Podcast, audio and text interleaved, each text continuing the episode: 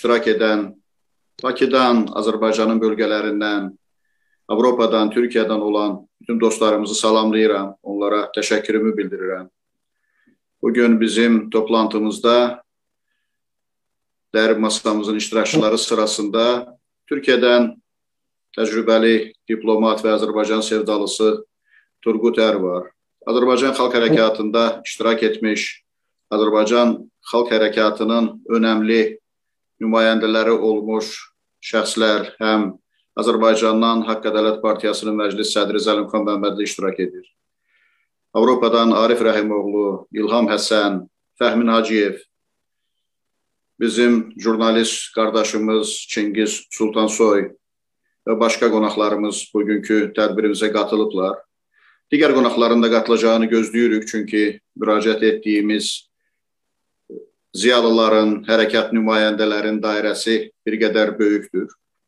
Sizin hamınızı salamlayıram və bugünkü tədbirimizə qatıldığınız üçün sizin hər birinizə təşəkkür edirəm.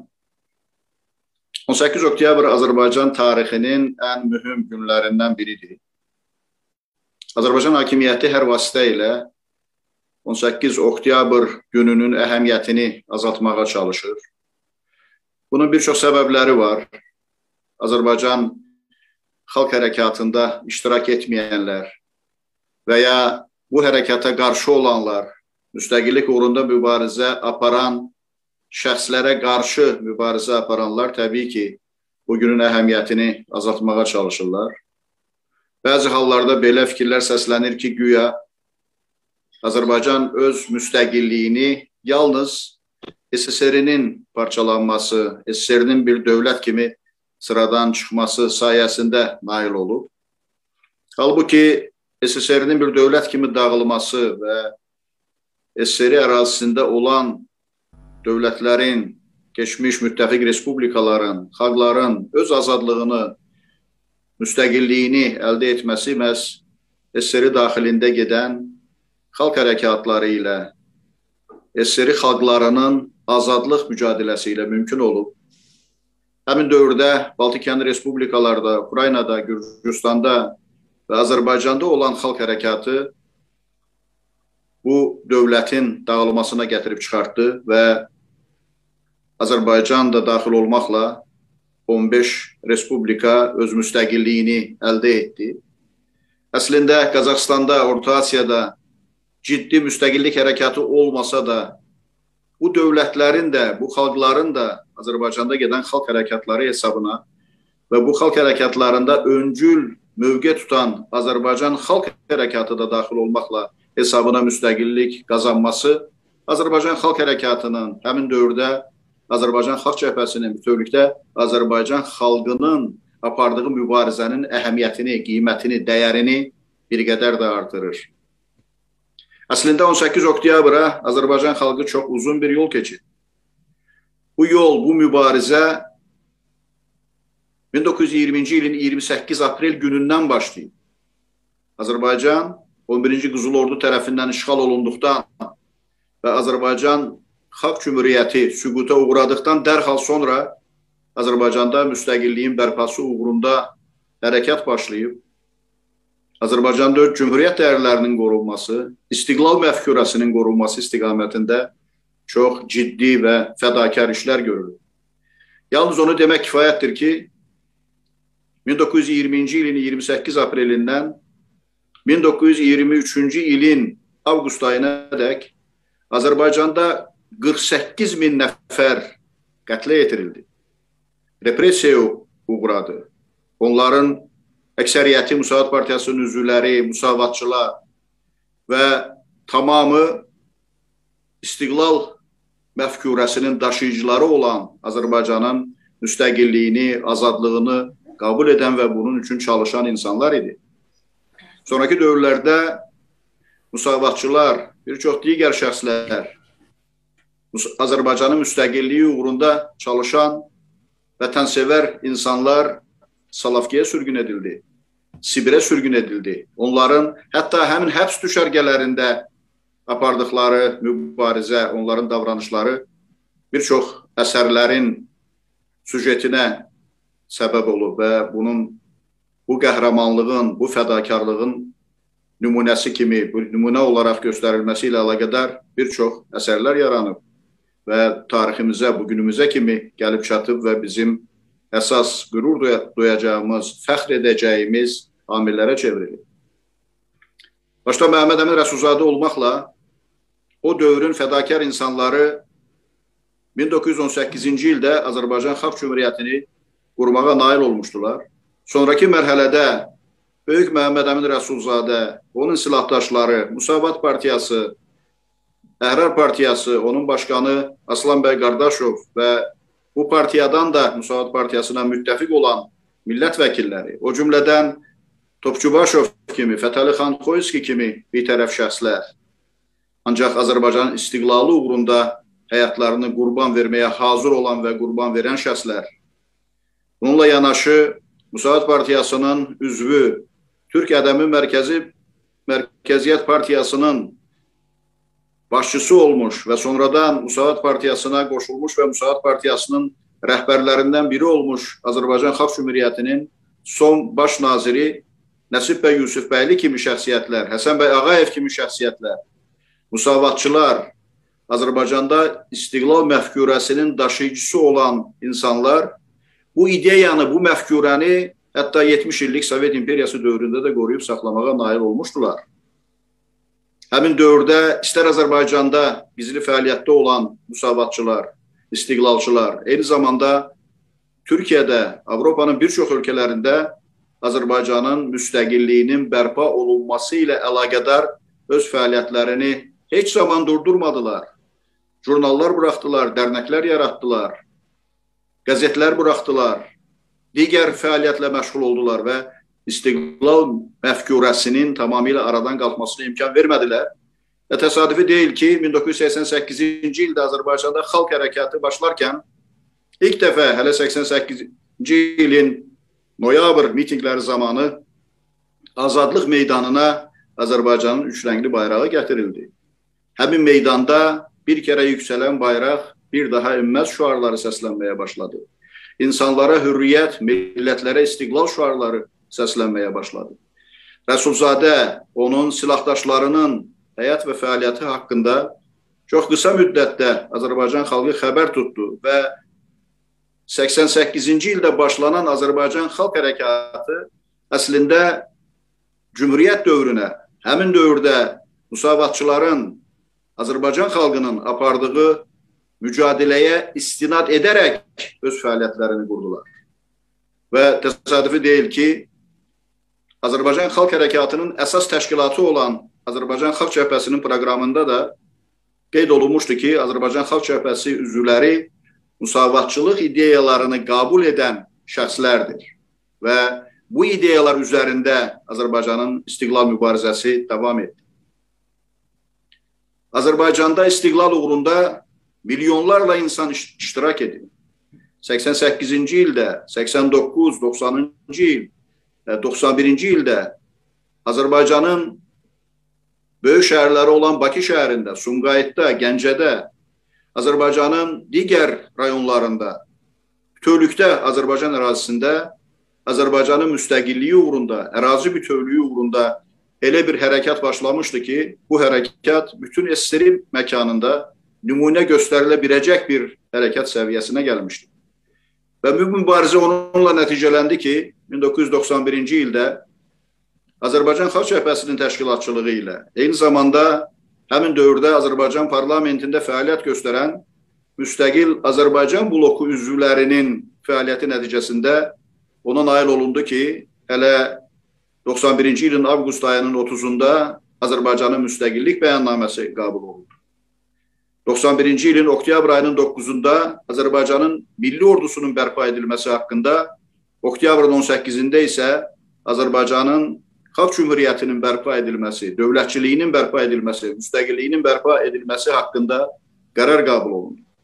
Bu qərarların qəbul edilməsi üçün və Azərbaycanın yenidən öz müstəqilliyinə qovuşması üçün dediyim kimi Azərbaycan xalqı 71 il Sovet cəmiyyətinin daxilində, Sovet imperiyasının daxilində Azərbaycandan kənarda mühacirət həyatı yaşayaraq bu ideyanı qoruyub saxlayaraq bu ideyanı gətirib sonraki nəsillərə çatdırdılar və 88-ci ildə başlanan xalq hərəkatı Əbülfəz Elçi bəyin rəhbərliyi ilə gedən Azərbaycan xalq hərəkatı nəhayət 91-ci ilin oktyabr ayının 18-də Azərbaycanın müstəqilliyinin bərpası ilə yekunlaşdı. Əgər 18-20-ci illərdə mövcud olmuş Azərbaycan Xalq Cümhuriyyəti siyasi lider olaraq Məhəmməd Əmin Rəsulzadənin liderliyi, siyasi təşkilat olaraq Musavat Partiyasının təşkilatçılığı və bütövlükdə Azərbaycan xalq bütün Azərbaycan xalqının iradəsi ilə yaradılmışdısa, qurulmuşdusa, 91-ci ildə Azərbaycanın müstəqilliyi siyasi lider olaraq Əbülfəz Elçi bəyin liderliyi, siyasi təşkilat olaraq əsasən və ilk növbədə Azərbaycan Xalq Cəbhəsinin təşkilatçılığı və Azərbaycanın Azərbaycan xalqının iradəsi ilə bərpa olundu. Bu gün hakimiyyət dairələri müstəqilliyimizin bərpası gününü küçümsəmək istəyirlər, bu günün əhəmiyyətini azaltmaq istəyirlər. Elə çıxışımın əvvəlində dediyim kimi, bunun səbəbi onların bu hərəkətdə, bu prosesdə iştirak etməmələri. Yalnız rəhbərlikdə yox, bütövlükdə milyonlarla adam Azərbaycanın müstəqilliyi uğrunda, Azərbaycanın ərazi bütövlüyü uğrunda mübarizə aparanda onların bu prosesdə ya iştirak etməmələri, ya da bu hərəkata qarşı olmaları təbii ki, onları utandırır. Onlar bununla xəcalət çəkirlər, ən azı daxilində öz e, vicdanları qarşısında hər hansı bir hesabat verərkən. Və ona görə də bugünün əhəmiyyətini azaltmağa, bu hərəkatın əhəmiyyətini azaltmağa, həmin dövrdə fədakarlıqla mübarizə aparmış insanların fədakarlığını, onların əməyini kilçməyə çalışırlar. Ancaq bunun xeyri yoxdur. Əgər 70 il ərzində Sovet imperiyası Məhəmməd Əmin Rəsulzadənin Musavat Partiyasının Azərbaycan Xalq Cümhuriyyətinin xidmətlərini Azərbaycan xalqına unutdura bilmədisə, təbii ki, Sovet imperiyası qədər qüdrətli olmayan və Sovet imperiyası qədər resurslara malik olmayan Əliyev rejimi də Azərbaycan Xalq Hərəkatının əsrin sonundakı mərhələsini və Azərbaycanın müstəqilliyinin bərpa olunması istiqamətində gedən hərəkatı və bu hərəkata rəhbərlik etmiş təşkilatı, təşkilatları və liderləri unutdura bilməyəcək. Bu günə nail olmağımızda Əbülfəz Elçi bəy başda olmaqla bir çox bizim şəxsiyyətlərimizin adı ilə bağlıdır. Bugün təəssüf ki, onların bir çoxu bizim aramızda yoxdur. Əbülfəz Elçi bəy, Tofiq Qasımov, Nəcəf Nəcəfov, İskəndər Həmidov, Dilarə Əliyeva, Aydın Məmmədov, İbrahim İbrahimli, Fərəc Kərimli kimi, Mürşid Məmmədli kimi, Məryəm Həsənova kimi şəxsiyyətləri itirmişik və digər şəxsiyyətlərimizi itirmişik. Təbii ki, bugünkü bu əziz gündə, bu bayram günündə müstəqilliyimizin bərpa olunmasının 30 illiyində onların hər birinin adını minnətdarlıqla anırıq. Onlara Allahdan rəhmət diləyirik. Ben bütün soydaşlarımızı 18 oktyabr Azərbaycanın dövlət müstəqilliyinin bərpası günü münasibətilə təbrik edirəm və Azərbaycan xalqına, cəmiyyətimizə Azərbaycanda hüquqi bir dövlətin, demokratik bir cəmiyyətin qurulması uğrunda apardıqları mübarizədə uğurlar arzulayıram. Hörmətli dəyər masa iştirakçıları, bugün biz 18 oktyabrın mahiyyəti, 18 oktyabra doğru gedən yol ilə bağlı burada fikir mübadiləsi aparacağıq. Təsadüfi deyil ki, burada çox ciddi ziyalılarımız iştirak edir. Burada xalq hərəkatının öncül simalarının bir qismi iştirak edir. Ona görə sizin hər birinizi dinləmək istəyirik. Bugün burada Türkiyədən olan Azərbaycan Kültür Dərnəyinin rəhbər nümayəndələri də texniki səbəblərdən qatıla bilmədilər. Ancaq mən Cəmil Ünal bəy başda olmaqla onların hamısının salamlarını və təbriklərini sizə çatdırıram. Bizim vaxtımız var, təxminən 2 saat ərzində müzakirələr aparacağıq. Ona görə mən indi çıxışlar üçün müəyyən bir reglamentin ayrılmasını istəyirəm. Təxminən 5-7 dəqiqə ərzində istərdim ki, iştirakçılar öz fikirlərini bildirsinlər. Ancaq ilk olaraq bu məsələlərlə əlaqədar özünün e, məqbul hesab etdiyi reglamentdə çıxış etmək üçün sözü Azərbaycan Xalq Hərəkatının liderlərindən biri, Müstəqil Azərbaycan deputat blokunun fəal üzvlərindən və Azərbaycan Xalq Cəbhəsinin Azərbaycan parlamentində o dövrdə olan fraksiyasının rəhbəri İsa bəy Qəmbərə söz verirəm. Buyurun İsa bəy. Hörmətli başqan, təşəkkür edirəm. Əziz dostlar, dəyərli dostlar, hamınızı salamlayıram və bu önəmli bayram günü münasibətilə hamınızı təbrik edirəm və sizin simanızda xalqımızı təbrik edirəm və bütün Azərbaycanı sevənləri təbrik edirəm. Zamanında Əbülfəz İlşi bəy deyirdi ki, Azərbaycan xalqının yenidən əldə etdiyi bu müstəqillik bütün xalqın mübarizəsi nəticəsində əldə olunub və eyni zamanda dünyanın harasında yaşamasından asılı olmayaraq bütün soydaşlarımızın, bütün Azərbaycanlıların milli siyasi dəyəridir, ortaq birgə vətənidir. Və bu baxımdan hətta bu sadalamaya məncə Azərbaycanı sevən dostların da hamısını aid etmək olar. Bu vətən sizindir, bu vətən bizimdir. Azərbaycanı sevən hər kəsin vətənidir. Bu hadisə haqqında ölkəmizin, dövlətimizin müstəqilliyinin yenidən əldə edilməsi haqqında saatlarla danışmaq olar. Həm tarixçi kimi, həm o prosesin iştirakçısı olmuş şəxslərdən biri kimi çox şey danışmaq olar. Bəzi tezlərimi sizinlə bölüşmək istəyirəm. Bu yaxınlarda ölkədə əsas müzakirə edilən mövzulardan biri bizim müstəqillik bayramlarımızın adı ilə bağlı diskussiya idi. Hamınız bildiniz, bəziləriniz iştirak etdiniz.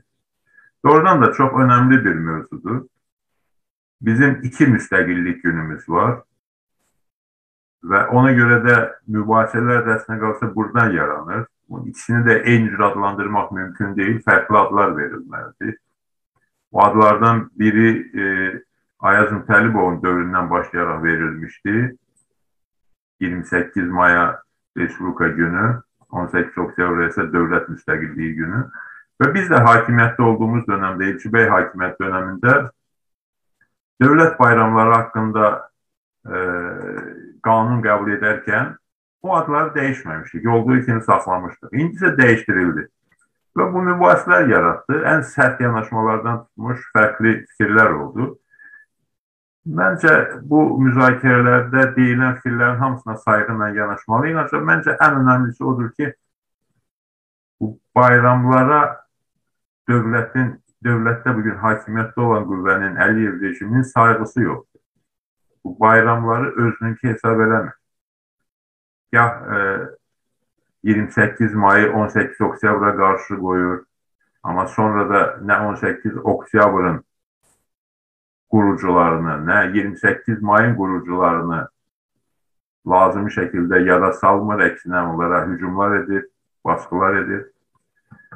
Və ona görə də önəmli olan bu günlərin mahiyyətidir. Və bu günlərin mahiyyəti ilə bağlı mən iki məqama toxunmaq istəyirəm. Birincisi, təkrar edirəm ki, bu nadir hadisələrdəndir ki, bir xalqın tarixində iki müstəqillik günü var. Bu, bizim xalqımızın azadlığa, istiqlala olan münasibətini göstərir. Bu, onu göstərir ki, bizim xalqımız azadlıq sevər bir xalqdır, istiqlala bağlı bir xalqdır. Tarixin hər mərhələsində ilk imkanda xalqımız mübarizəyə qalxaraq, gah geniş xalq hərəkatı nəticəsində, gah intellektual elitamızın, öndə gedən simalarımızın fəaliyyəti nəticəsində müstəqilliyi əldə edir. Və ötən 30 ildə də xalqımızın istiqlal dəyərlərinə münasibəti bir daha sübut edir ki, xalqımız öz azadlığı ilə heç zaman vidalaşmayacaq və heç zaman da bu bunun aradan qalxmasına istər xarici, istər daxili qüvvələr tərəfindən aradan qaldırılmasına imkan verməyəcək. İki dəfə müstəqillik əldə etməyimizin digər bir e, üzdə olan səbəbi ondan ibarətdir ki, Azərbaycanın istiqlalını əlindən almağa hazır olan, buna istəyən, buna can atan ciddi qüvvələr var. İlk növbədə Rusiya imperiyası və eyni zamanda İran dövləti Məhz bu qüvvələr Azərbaycanın müstəqil bir dövlət olaraq yaşamasını istəmirlər. Məhz buna görə də 28 may İstiqlal günümüzdən sonra 27 aprel işğal günü geldi. Moskva, Rusya yeniden Azerbaycan'ı işğal etti. Ve 1991-ci ilin 18 oktyabr dövlət müstəqilliyinin bərpasından sonra da bu dəfə 4 iyun qiyamını törətdilər 1993-cü ildə. Dövran başqa olduğu üçün, zamanə başqa olduğu üçün, şərtlər fərqli olduğu üçün müstəqilliyimizi tam şəkildə əlimizdən ala bilmədilər. Amma müstəqilliyimizi ciddi şəkildə məhdudlaşdırdılar, suverenliyimizi ciddi şəkildə məhdudlaşdırdılar. Bu geniş bir mövzudur, ancaq mən elə bu iki tezi bu istiqamətdə qeyd etmək istədim ki, həm xalqımızın istiqlal uğrunda hər bir fədakarlığa hazır olmasını, həm də Azərbaycanımızın müstəqilliyini əl, əlimizdən almağa çalışan ciddi qüvvələrin olduğunu heç zaman unutmayaq. Hərəkat dövrü doğrudan da böyük bir xəzinədir və burada olan şəxslərin e, önəmli bir hissəsi bu mübarizədə bilavasitə iştirak ediblər. Digərlərinin də bu prosesi müşahidə etmək imkanı olubdur. Arif bəy qeyd elədi, doğrudan da müstəqilliyin əldə edilməsini güya e, tarixin verdiyi bir hədiyyə olaraq qiymətləndirmək nadanlıqdır, yaxud da Azərbaycana qarşı qərəzdir. İstər bunu deyənlər kənardan olsunlar, istər Azərbaycanın daxilindən kimlərsə bunu desinlər müstəqilliyi xalqımızın çox qəhrəmancasına, fədakarcasına apardığı mübarizə ilə qazanmışıq. Müstəqilliyi Əbülfəz Elçi bəyə rəhbərlik etdiyi Azərbaycan Xalq Cəbhəsində birləşmiş bütün qüvvələrin birgə fəaliyyəti nəticəsində qazanmışıq. Müstəqilliyi bu xalq hərəkatını və xalq cəbhəsini idarə edən Əbülfəz Elçi bəy başda olmaqla idarə edən şəxslərin düzgün qərarları, zamanında atılmış addımları nəticəsində qazanmışıq. Mən bir məqamı məsələn qeyd etmək istəyirəm. 1991-ci ilin 15-23 sentyabr günləri 2 gün e, Azərbaycan hakimiyyəti bizim xalq hərəkatının təzyiqi altında Xalq Cəbhəsinin rəhbərliyinin parlamentin iclasında o zamanki Ali Sovetin, Azərbaycan Ali Sovetin iclasında iştirak etməsinə razılıq verməli oldu və xalq cəbhəsi təmsilçilərinin Elçibəy başda olmaqla həmin tədbirlərdə iştirakı nəticəsində, həmin iclaslarda iştirakı nəticəsində orada Azərbaycanın iqtisadi suverenliyi haqqında qanun qəbul edildi və orada bəyan edildi ki, Azərbaycan Respublikasının qanunları Sovet İttifaqının qanunlarından üstündür. Bu qanunlar arasında ziddiyyət olduqda üstünlük, prioritet Azərbaycanın qanunları tərəfində olacaq. Bu əslində qalsa Sovet məkanında ilk belə bir addım idi. Doğrudur, bizdən əvvəl Baltik ölkələrində bu addım atılmışdı. Estoniyada, Latviyada və Litvada da oxşar qanunlar qəbul edilmişdi. Amma diqqətli müşahidəçilərin hər birinə bəllidir ki, Baltik ölkələrinin vəziyyəti tamamilə fərqli idi beynəlxalq birlik e, Sovet imperiyasının mövcudluğunu qəbul etməyə məcbur olsa da, Baltik ölkələrinin işğal edilməsini heç bir zaman qəbul etməyibdir. Və ilkin mərhələdə SSR-də proses gedən vaxtda o, o dövrdə beynəlxalq birliyin əsas tələblərindən biri Baltik xalqlarının azadlığına Moskvanın razı olması idi. Yəni tarix bir variantda baş verir və sonra hamıya elə gəlir ki, elə tarix bu cürdə olmalıymış. Ancaq tarix bitəndən sonra bir variantdadır. Tarix gedən axam vəziyyətində isə variantların sayı onlarla, yüzlərlə, bəlkə də minlərlə və mən bir tarixçi kimi tam əminliklə deyirəm ki, tarixin elə bir variant da ola bilərdi ki, Baltik ölkələri Moskvadan, SSR-dən müstəqilliyini qazansınlar Ancaq qalan 12 respublika, Rusiyanın respublika saysa, yenə də həmin imperiyanın tərkibində qalsınlar. Və bu baxımdan biz hər zaman deyəndə ki, SSR-nin dağılmasında 5-6 xalqın həll edici xidməti olubdur. 3 Baltik ölkəsinin, Azərbaycanın, Gürcüstanın, bir də Ukraynanın biz sadəcə ə, e, öz seçimimizlə demirik bunu. Biz həmin xalqların mübarizəsinin gerçək gedişi ilə, gerçək nəticələri ilə bağlı bu adları çəkirik. Və bu siyahıdan dediyim səbəbdən 3 Baltik ölkəsində kənarda saxlasaq, SSR-in dağılmasında və bütün xalqların, buradakı xalqların 15 respublikanın müstəqilliyində həlledici rol oynayan Ukrayna, Gürcüstan və Azərbaycan olub. Bu tarixi gerçəyi unutmamalıyıq. Və eyni zamanda bu da artıq bəlkə də Azərbaycan xalqının azadlıq sevərliyi ilə yanaşı qonşularımızın namərdliyi nəticəsində gerçəkləşib. Amma hər halda bütün ciddi ekspertlər hesab edirlər ki, SSR-in dağılmasında Ermənistan-Azərbaycan konflikti də həlledici rollardan birini oynayır. Və təsadüfi deyil ki, məhz 90-cı ilin yanvarında Moskvanın Azərbaycana dəhşətli bir hərbi təcavüzü, yüzlərlə insanımızın öldürülməsi, minlərlə insanımızın yaralanması ilə nəticələnən o qanlı yanvar hadisələri elə bir dəhşətli hadisə idi ki, həmin hadisədən sonra nə SSR-nin bütöv qalması mümkün deyildi, nə də Azərbaycanın SSR tərkibində qalması mümkün deyildi. Təsadüfi deyildi ki, həmin 90-cı ilin yanvar hadisələrindən sonra 22 yanvarda o zamanki Ali Sovetin toplantısında Xalq Hərəkatının və Xalq Cəbhəsinin təsiri altında parlament qərar qəbul etmişdi ki, Azərbaycan əgər Rus əskərləri Azərbaycan ərazisindən çıxmayacaqlarsa, Azərbaycan tam müstəqillik yoluna qədəm qoyacaq. Bu məqamlar mübarizənin nə qədər ağır, nə qədər dəhşətli mərhələlərdən keçdiyini göstərir. Yenə təkrar edirəm, xalqımızın istiqlala bağlılığı və eyni zamanda xalqımızı kölə vəziyyətdə saxlamaq istəyən qüvvələrin böyüklüyünün nə qədər böyük bir mübarizədə, qarşı durmada iştirak etməsindən xəbər verir. Və Azərbaycan dövləti tarixən hər zaman olub. Hər zaman xalqımız çoxsaylı dövlətlər yaradıb. Yəni, bu çox geniş bir mövzudur. Xalqımız dünyanın ən qədim xalqlarından biridir və xalqımızın dünya mədəniyyətində iştiraki həddindən artıq önəmlidir, təsirlidir və ən böyük quruculuq işlərindən biri də dövlət quruculuğudur ki, xalqımızın bu sahədə böyük izləri var tariximizdə. Amma eyni zamanda Azərbaycan adlı dövləti biz məhz Azərbaycan adı altında dövləti biz məhz 1918-ci ildə Məhəmməd Əli Rəsulzadə və onun silahdaşlarının fəaliyyət nəticəsində bəşəriyyətə təqdim etmişik. Ona respublika formatı vermişik, parlament respublika kimi qurmuşuq. Və 91-ci ildə də Elçibəyin liderliyində həmin cumhuriyyəti, həmin respublikanı bərpa edə bilmişik.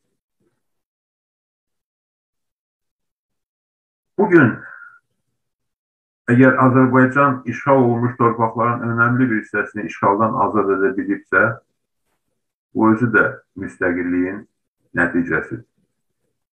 Yəni Azərbaycan müstəqil olmasaydı, Moskva Qarabağı da, digər əraziləri də Ermənistana bağışlayacaq. Necə ki, əvvəllər başqa ərazilər bağışlanıbdı, o şəkildə onu da həll edəcəkdir. Yəni bu məsələlər hamısı bir-birinə bağlı. Müstəqillik, ərazi bütövlüyü və demokratik inkişaf. Hərəkat dönəmində hərəkatçı dostlar bilirlər ki, xalq cəbhəsində və hərəkat dairələrində ən böyük diskussiyalardan biri demokratiya yoxsa müstəqillik mövzusuydu. Əbülfət Elçibəyə başda olmaqla xalq cəbhəsinin bu suala cavabı bundan ibarət idi ki, bu dəyərləri bir-birindən ayırmaq olmaz. Biz milli demokratik hərəkat gerçəkləşdirmişik və milli azadlıq hərəkatı ilə milli demokratik hərəkat paralel inkişaf edirdi və biz Azərbaycanımızın müstəqilliyini istəyirik və demokratik inkişafını istəyirik. Bugün həmin hədəflər hələ yenə də qarşımızdadır. Bugün ölkədə avtoritar, qəddar bir rejim mövcuddur. Və bu rejim Azərbaycanımızın azad inkişafına maneələr yaradır və öz hakimiyyətini sürdürmək üçün Moskva kimi başqa mərkəzlərlə əlaqələrindən istifadə edərək, bir qarşılıqlı maraqlarından istifadə edərək özünü hakimiyyətdə saxlaya bilir. Amma Azərbaycan xalqının azadlıq sevər bu dəyərlərə bağlı bir xalq olduğunu qeyd etdik ilk imkanda, beynəlxalq konjunktur buna imkan verən şəraitdə mən əminəm ki, xalqımızın mübarizəsi davam edəcək. Xalqımız həm Xan kəndini və digər işğal altında olan torpaqları bu dəfə erməni işğalından yox, Rusiya işğalından qurtaracaq. Həm də Azərbaycanda haqqın, ədalətin, azadlıqların bərqərar olduğu, hər bir vətəndaşın tam azad olduğu bir dövlət quracaq. Necə ki 1918-20-ci ildə mövcud olan Azərbaycan Cumhuriyyəti demokratiya baxımından, azadlıqlar baxımından o dövr üçün bir nümunə dövlət idi. Özü təkcə şərq üçün nümunə deyildi, elə qərbin də əksər dövlətlər üçün nümunə olan bir dövlət idi. Mən inanıram ki, Azərbaycan xalqının fədakar mübarizəsi ilə biz yenidən Azərbaycanı çağdaş dünyanın ən ləyaqətli, ən hörmətli, ən öndə gedən dövlətlərindən biri kimi yaşada biləcəyik. Azərbaycan bütün bölgə üçün də, müasir dünya üçün də ən önəmli bir mayak rolunu oynayacaq. Mən buna inanıram və bu fəaliyyətdə, bu mübarizədə hamınızı və sizin simanızda bütün dəyərli insanlarımızı, soydaşlarımızı, dostlarımızı, Azərbaycan sevərləri birlikdə fəaliyyətə əsas edirlər. Bir daha təbrik edirəm. Var olun dostlar. Çox sağ olun İsa bəy. Məzmunlu və ətraflı çıxışınıza görə təşəkkür edirəm. İndən sonra xahiş edirəm ki, bizim iştirakçılarımız təxminən 5-7 dəqiqə ərzində məsələlərə öz münasibətini bildirsinlər imkan daxilində. İndi isə sözü Azərbaycan sevdalısı olan Türkiyəli qardaşımız, təcrübəli diplomat olan qardaşımız, hörmətli Turqut Ərbəyə verirəm. Buyurun Turqut bəy.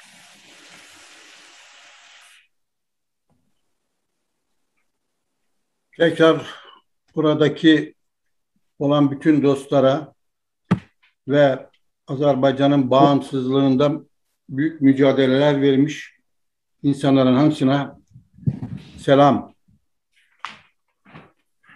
Ve birinci bağımsızlık harekatında Azerbaycan devletini bağımsız etmiş başta Büyük Resulzade olmakla Hepsine Allah rahmet etsin.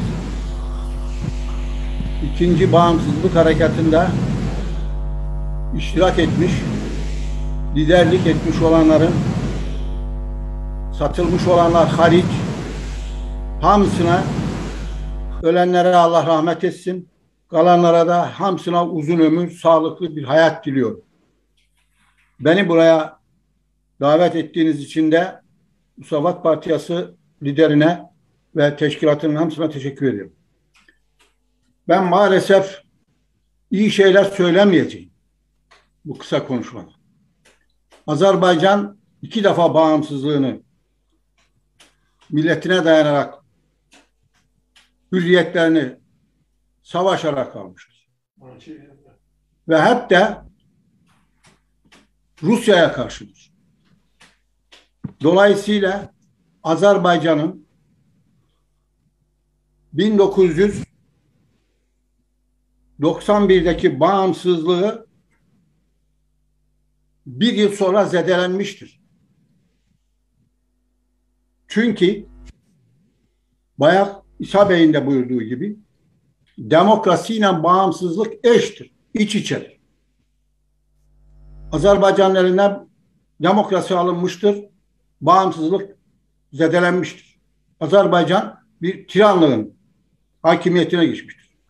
O günden bugüne göstermelik toprakları da işgal ettirmişlerdir. O günden bugüne Azerbaycan demokrasiden uzak tüm baskılarla yüz yüzedir.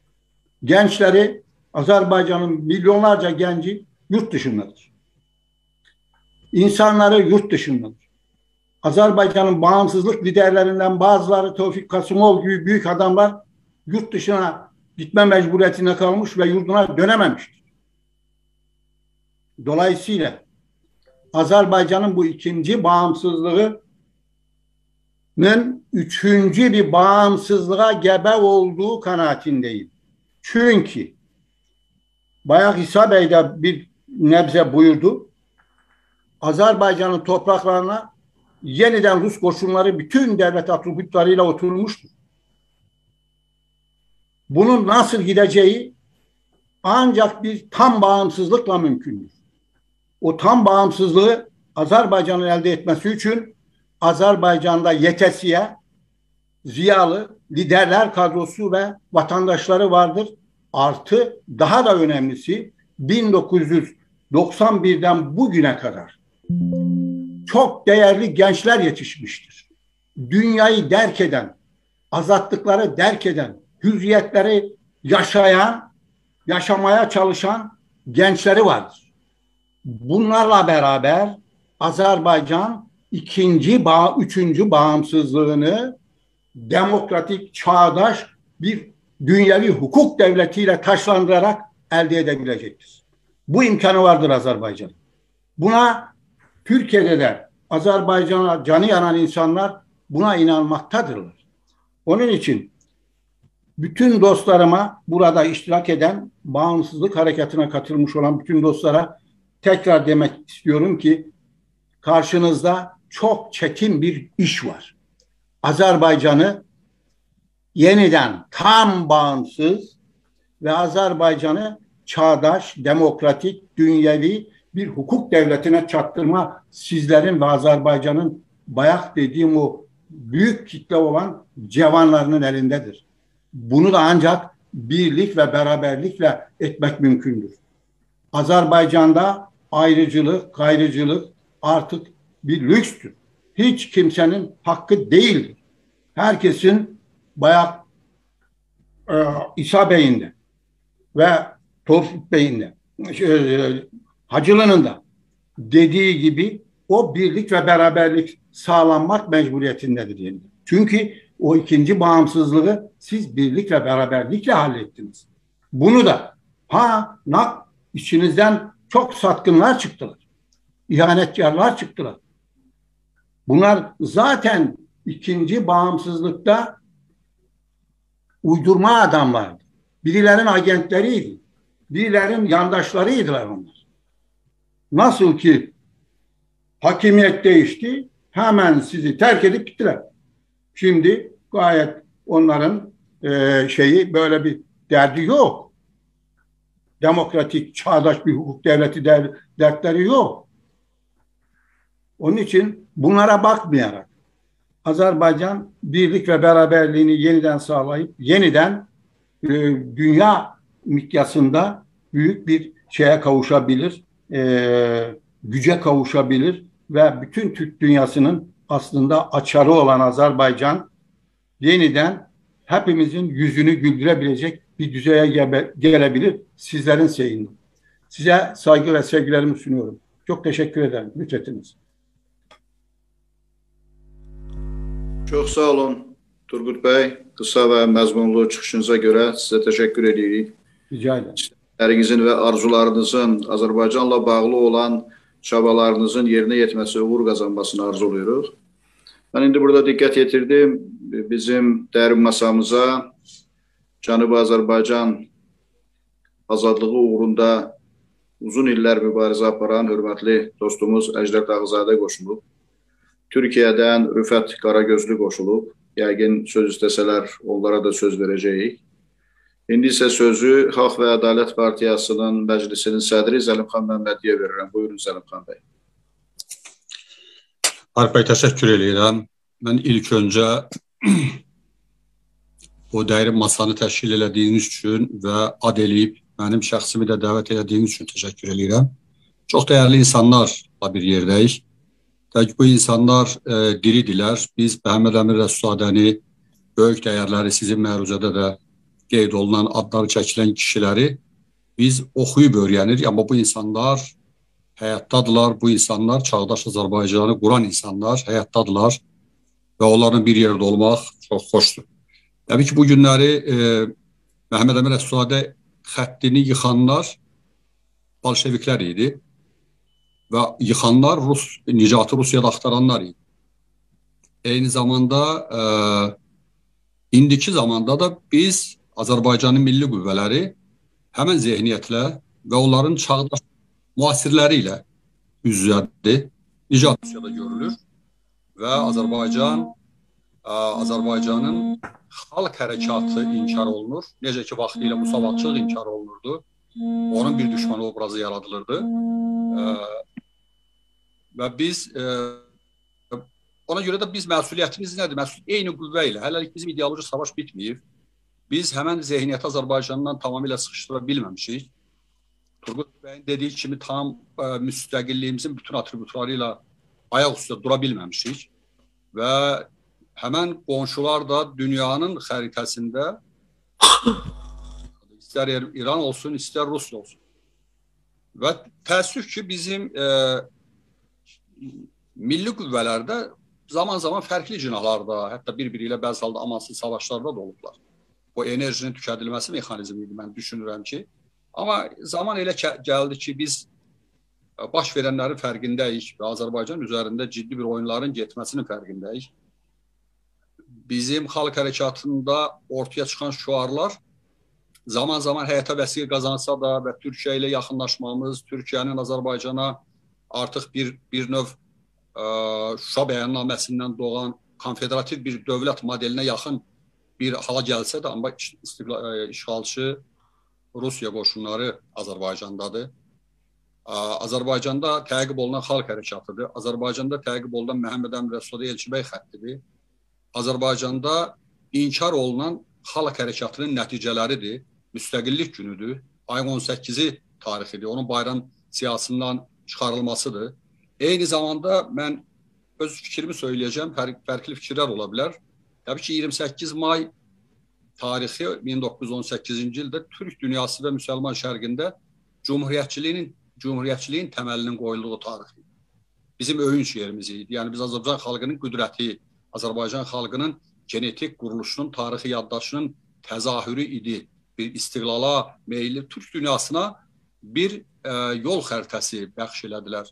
Cümhuriyyətçiliyə nə cür keçmək olar və onu bir qısa zamanlıq hakimiyyətində Məhəmməd Əmin Rəsulzadənin rəhbərliyi ilə tez istlərini ortaya qoydular. Ciddi islahatların əsasını qoydular və e, siyasi orientasiyanı müəyyən elədilər. Gedəcəkləri məkanı müəyyən elədilər. Bugünkü gündə də biz həmin xəttə davam elətdiririk. Ona görə o tarixin, yəni Cümhuriyyət gününün dəyişməsini doğru bilmirəm. Bu bir, yəni biz o tarixi məhz o ana görə xatırlamalıydıq. Respublika e, quruluşunun əsasları qoyulduğuna görə xatırlamalıydıq. 18 oktyabrın təbii ki, e, qeyri-şükür olması əhəmiyyətli idi. Bir təntənəli böyük törənlər keçirilməli idi. Bakının mərkəzində, Azadlıq meydanında ən böyük bayramlarımızdan biri bu idi ki, biz ə, istiqlalımıza qovuşduq, bərpa eləyə bildik və bütün dünyanın diqqətini bura yönəltmək lazım idi. Xarici qonaqlar gəlməli idi, hətta paradımız olmalı idi, ola bilir. Bunların hamısı ə, bizim zehniyyət hakim olsaydı, təbii ki, bunları eləyəcəkdi. Amma təəssüflər olsun ki, bütün güclə, bütün enerji ilə həm diri qalan xalq hərəkatının öncülləri, həm də onların qoyduğu, əldə elədiyi istiqlal ideyaları və hətta istiqlal tarixi gözdən salınmağa çalışır. Bu günləri istiqlalçı millət vəkilləri haqq elədikləri imtiyazları almalıdırlar. Bu günləri Azərbaycan Xalq Cəbhəsinin istiqlalın qazanmasında ə, xidmətlərini qeyd edən siyasi qərar verilməlidir. Bu günləri o hərəkatda iştirak edən insanların adları çəkilməli idi və bu günləri bizim sıralarımızda kifayət qədər dünyasını dəyişən cəngavər insanlar olublar. Hamısının xatirəsi ehtiramla anırıq. Eyni zamanda bu gün o cür yadda qalmalı idi. Mən e, qısaca olaraq bugünkü vəzifələrimizin üzərinə gəlmək istəyirəm ki, biz e,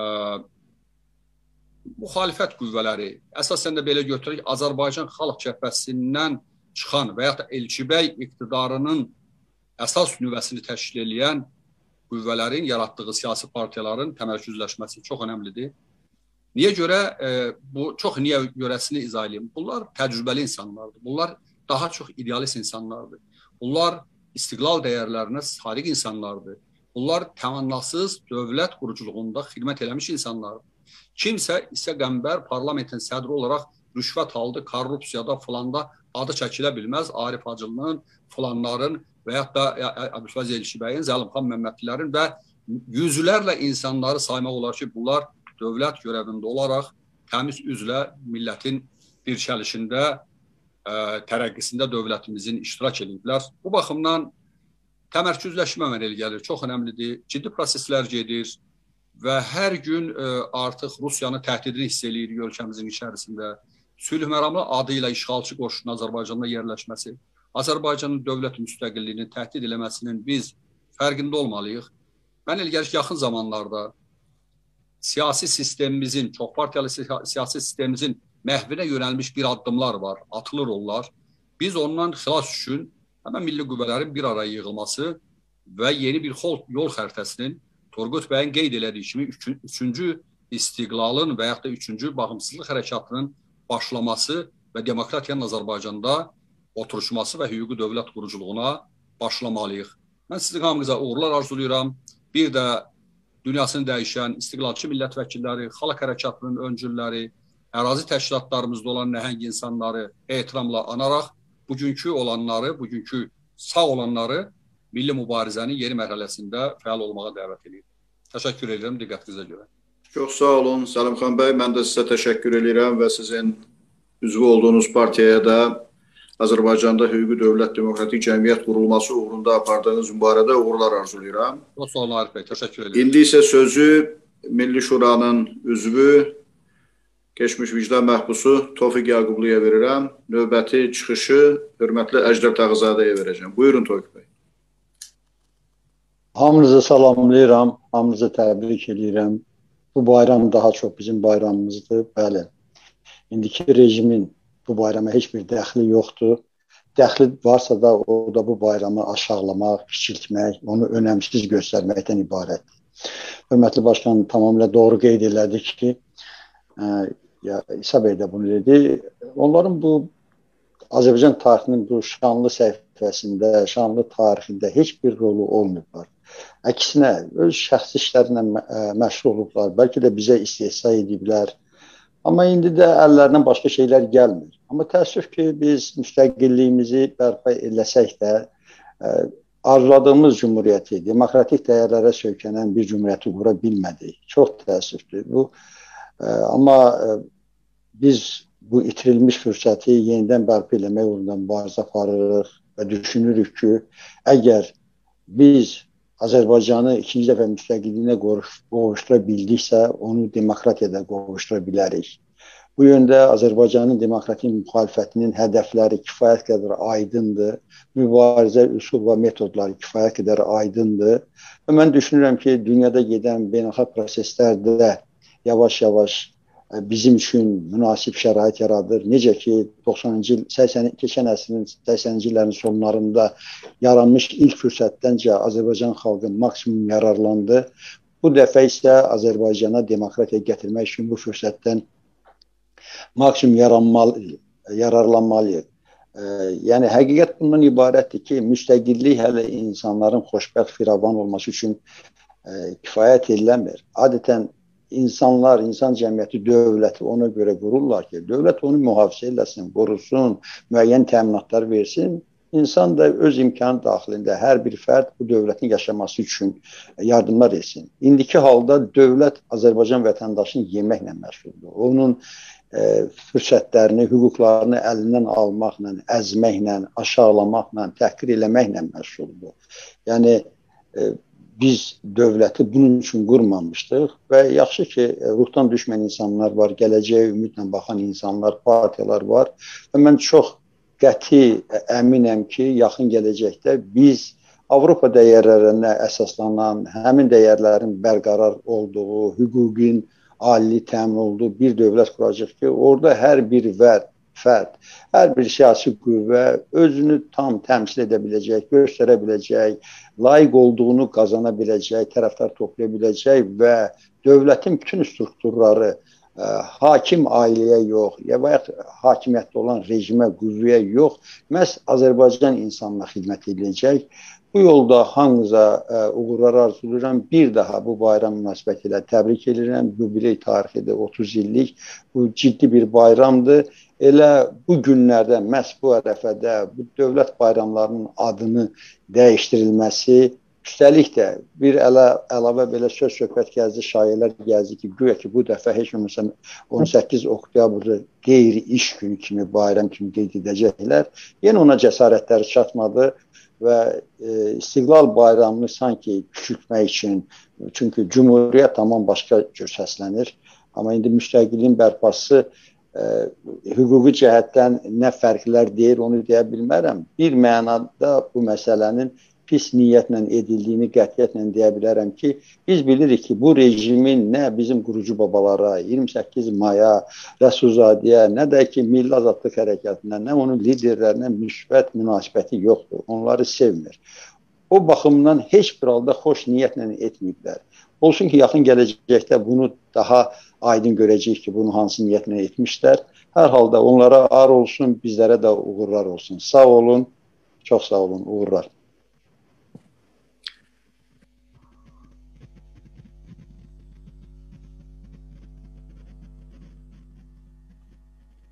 Arif Bey mikrofon Başkan... bağlıdır, eşidilmir. Tofiq bəy, qısa və məzmunlu çıxışınıza görə, həm də reglamentə tam əməl etdiyinizə görə sizə təşəkkür edirəm. İndi sözü hörmətli Əjdər Tağızadəyə verirəm. Növbəti söz Azərbaycan Xalq Hərəkatının önəmli sevdalarından biri Arif Rəhəmoğluya veriləcək. Buyurun Əjdər bəy.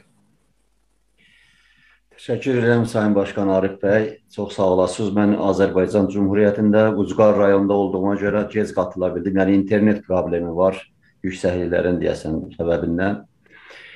Mən burada bütün hörmətli xanım əfəndilərimizi, bəylərimizi, müsavatçıları, millətimizi bu cümhuriyyətimizin demək olar ki, növbəti bərpası ilə istiqlalımızın növbəti əldə edilməsinin münasibəti ilə təbrik edirəm. Qutlu olsun hamımıza. Yəni demək ki, biz cümhuriyyətçiyik və cümhuriyyətin icabı da parlamentdir. Biz hər zaman Azərbaycanda ə, bir möhkəm, bir fəal, işlək parlament arzusunda olmuşuq. Və bunu da demək ki, 90-cı ildən sonra, 91-dən sonra biz az zamanda olsa gördük və e, keçən əsrin başlanğıcında da parlament qurulanda Azərbaycanda Cümhuriyyətdə Mən dəfələrlə söyləmişəm, çox zaman deyirlər ki, orada menşeviklər, bolşeviklər, ondan sonra ay nə bilim daşnaqlar hamı var idi, müsavat ümmətçilər var idi. O nə cür parlamanıdır? Bu cümhuriyyətçiliyin əsas demək kurallarından pluralizmdir. Çoxunçuluğu cəzb etmək etməkdir. O nəsil, o komanda bilirdilər kim kimdir, nəsildirlər. Ancaq kimlər xəyanət elədi, indi bu Əlidər Qarayevin zadın adı gedir. Kimlər ora soxuldular, nə cür su istifadə elədilər, o başqa bir sözdür. Amma o cümhuriyyət o komanda bir iz buraxdılar ki, yəni demək olar ki, bir sümük kimi qaldı Sovet imperiyasının boğazında 74 sənə içində də onu uta bilmədilər. Yenidən bu cümhuriyyət çox zamanlar çıxıb deyirlər ki, ay Rus imperiyası, Sovet imperiyası yenidən istiqlalı Azərbaycana bəxş etdi. Bəxş etmədi. Azərbaycan repressiyalardan keçəndən sonra da belə öz milli rəmzlərinə, atributlarına sadiq qalaraq bu millətimizin çabası, mücadiləsi ilə gəldi, yenidən bu istiqlalı bərpa etdi. Bu millət demokrasiyasını və e, insan haqlarını, liberal hüquqları üstün tutaraq çağdaşlığı, e, bu gün dünya ilə bağdaşan o kuralları qəbul edərək cümhuriyyəti bərpa etdi və bunu da dünya da qəbul etdi. Azərbaycan 89-cu ildə dünyanın demokratik xalqı adını aldı və eləyə bildi ki, öz o ə, e, istiqlalın bərpasından sonra küllü Balkanları, Orta Asiyanı, Türk dünyasını, hətta Türkiyəni etkilədi və bu günləri biz onun nə deyər ki, nəticələrin, səmərlərini də görürük, görürük Türkiyədə. Sonuncu 44 günlük savaş göstərdi ki, doğrudan da bizim bir zamanlar elə həmin keçən sənə düz bu vaxtlar da paşalarımıza qarşı gələn gücümüzə qarşı, güc birliyimizə qarşı nələr söyləyirdilər. Yəni Rus imperiyasının bir tərəfdən və İran adlanan yerdə olan bədnam rejimin əməlləri və ermənilərin də bir tərəf. Hesab edin ki, Azərbaycan Cümhuriyyətinin rəsmi yerlərində tanınmış erməni və erməni bağlılıqları olanlar yavaş-yavaş Azərbaycanda, Bakıda bunlar halay çəkirdilər və millətimizə demək ki, istehza edirdilər. Amma zaman belə gətirdi ki, yavaş-yavaş bunlar öz yandaşlarını əli ilə ifşa oldular və olunurlar. Biz Azərbaycanın güneyindən olaraq bilirik ki, mən dəfələrlə söyləmişəm. Biz bədnam qonşuların arasında Azərbaycan Cümhuriyyəti doğrudan camdan bir evə oxşayır. Camdan bir saray kimidir, kiçik və hər tərəfdən daş gəlir. Birini qoyursan, biri gəlir. O birisi gedir, bu birisi gəlir. Və əl altıları da. Yəni demək ki, bu son 30 il içində hər tərəfli çalışdılar ki, Cümhuriyyətin özündə yəni 20 sənə, 25 sənə bu milləti, bunun demək ki, dövlətini, bunun rəsmi strukturlarını bir türlü yuxuya verəsən və gətirəsən burada buraxasan Rusi, ondan sonra ə, e, Farsi və onların əl altılarını və bugünkü gündə görürsünüz ki, hər şeyin üstü açılır. Dünya kiçikləşib. Amma məsələ budur ki, bu Azərbaycan bütövlüyündə böyükdür. Bunu Əbülfəz Elçibəy dəfələrlə söyləyirlər. Bizim yolumuz da odur. Bunu Məhəmməd Əmin bəy Rəsulzadə Cümhuriyyət kitabında da söyləyir. Azərbaycan təkcə demək ki, Qazaxdan, Tovuzdan, Qubadan, Bakıdan ibarət deyil. Azərbaycan Təbrizdən, Ərdəbildən, Urumiyədən, Zəncandan, Qəzvindən, Həmədandan, Əncəlidən, Astaradan, Sulduzdan da ibarətdir. Bütün Azərbaycandır. Bu günləri görünür ki, mən sizinlə konuşarkən hələ də 44 günlük savaşda Azərbaycanın güneyindən demək ki, səsi qaldıran Araz kənarında, o da demək çadrası, çadralı, cavan, gənc, qadın, uşaq, çocuq hamısı gəlib Araz kənarında ordumuza dəstək verənlər bu gündə mən sizinlə konuşarkən onlar demək ki, həbs alırlar. Keçən həftə içində gördünüz. 888 şallaq, 188 ay zindan. Yəni insanlara təhcə Azərbaycana dəstək veriblər. Gediblər Tehranda Azərbaycanın səfirliyi qabağında isim yazdırıblar, savaşa gəlsinlər və orada onların şəkillərini çəkiblər. İndi gedirlər, onlar tuturlar. Təbrizdə konsulluğumuzun qarşısında, Araz kənarında rejim hamısını nişanlayıb bir-bir indi də bu işi görür. İndi də bu iş əməl edir. Amma təəssüf olsun ki, özəlliklə bu son 20 ildə Yəni bəzi vaxtlar mən baxıram Azərbaycanda rəsmi tribunalarda müsavata qarşı və müsavatın liderlərinə qarşı belə də ittihamlar yağdırırlar ki, daima müsavat ə, ə, güneyi adyaddan çıxardı Azərbaycan güneyini. Belə deyil. Müsavat dövlətçiliyin çərçivəsində, dövləti sevərkən dövlətçilik çərçivəsində bu məsələləri hər zaman qoyub. Bütün Azərbaycan məsələsi. Bu bir idadır. İdadan kənar istər bu bölgədə, istər dünyada heç bir dövlət öz bəqasını hər zaman saxlaya bilmir. Ona görə də bu günləri müsavatçılığı və müsavat da, yəni məsələn İran adlanan yerdə mənim yadıma gələndən hər zaman Məhəmməd Əmin bəy Rəsulzadəyə, sonra da Əbülfəz Elçibəyə, sonra da bu cümhuriyyətə Bunlar yazılmış bir şeydir. İran adlanan yerdə təbliğat bunun əsasında qurulur. Dəfələrlə deyirdik. İndi protokollar var. Protokollar var, dövlətlər arası münasibətlər. Amma Azərbaycanda çox adamlar, sən son zamanlar çıxırlar bir də adamlar da bu İran adlanan yerdən bəziləri cavablarını alırlar. Amma çıxırlar deyirlər, əgər Əbilfəz Elçibəy o deməsəydi o bayraq Təbrizdə dalğalanacaq, əlbəttə Azərbaycanın bir bayrağı var. Hər bir Azərbaycanlının, hər bir Azərbaycan türkünün, hər bir Azərbaycan vətəndaşının bir bayrağı var. Bu da Azərbaycan bayrağıdır.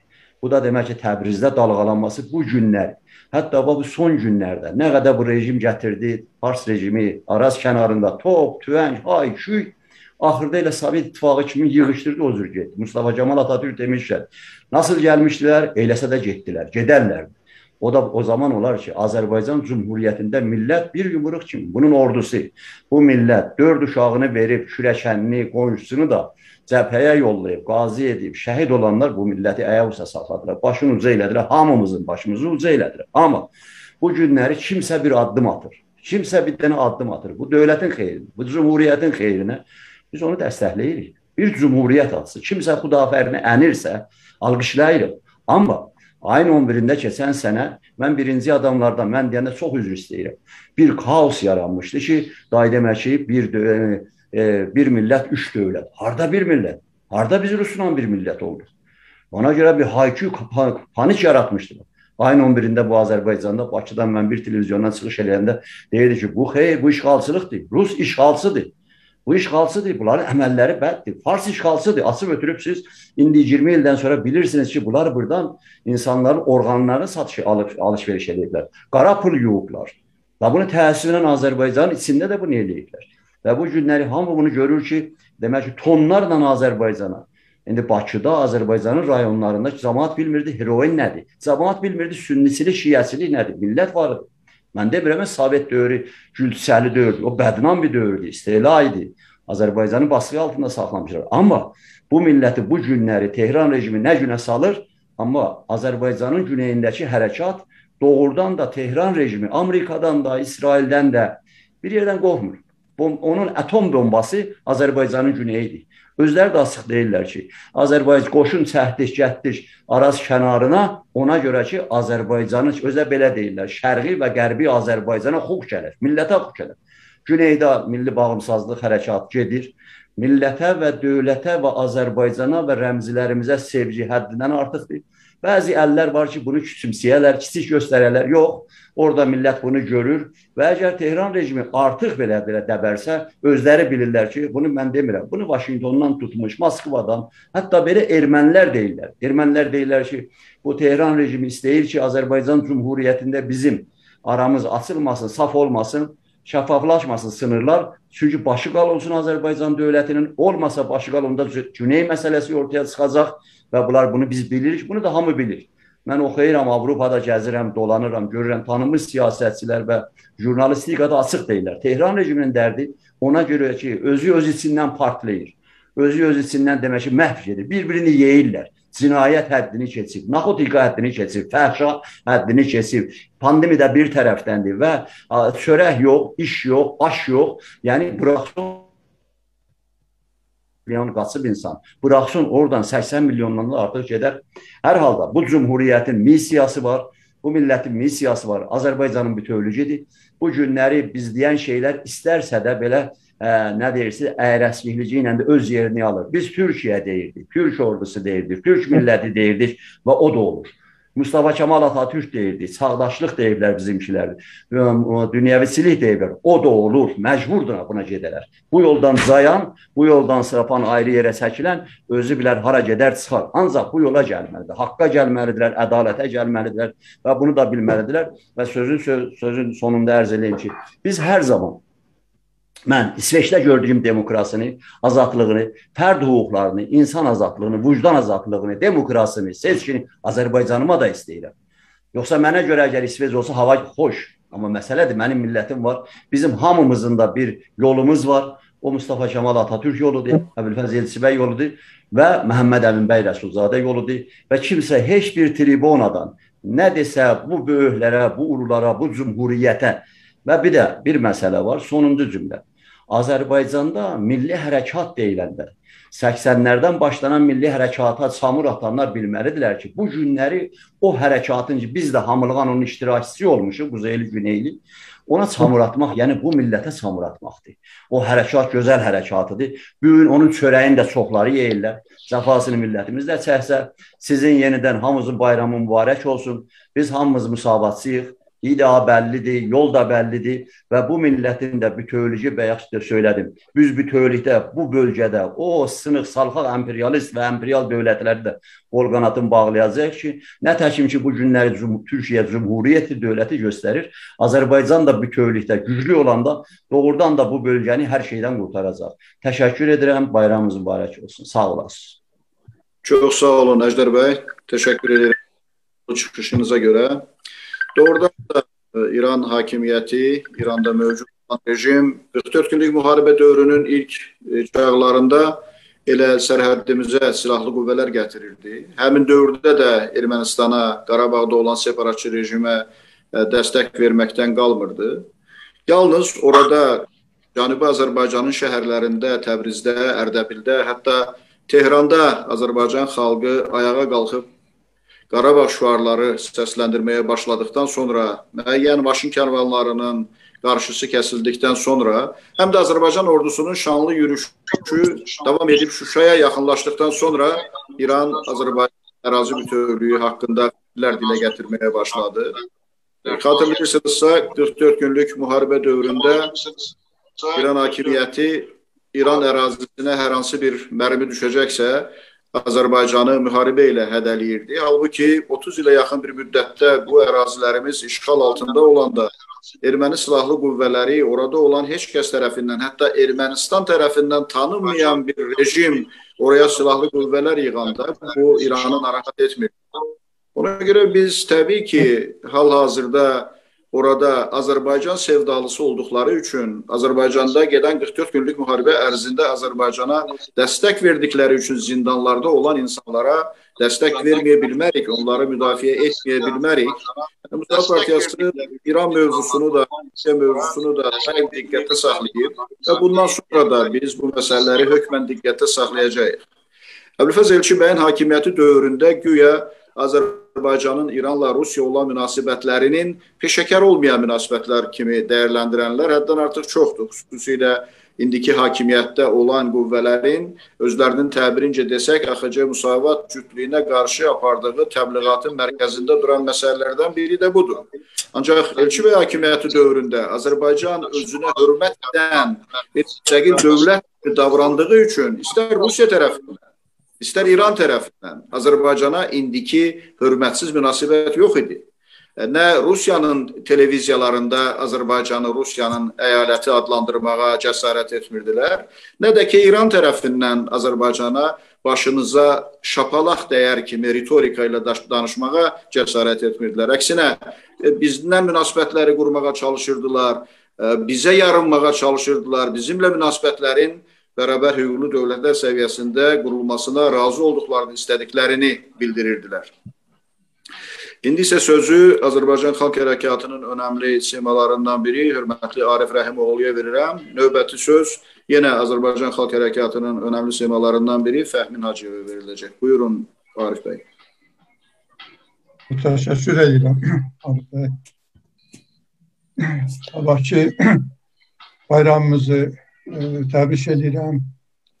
Gerçəkdən də bizim üçün çox önəmli, böyük bir hadisədir və bu hadisə ilə bağlı bugünkü toplantıya məni də dəvət etdiyiniz üçün Müsavat Partiyasına minnətdaram və burada çoxdan görmədiyim bir sıra dostları e, görməkdən çox məmnunluq duydum.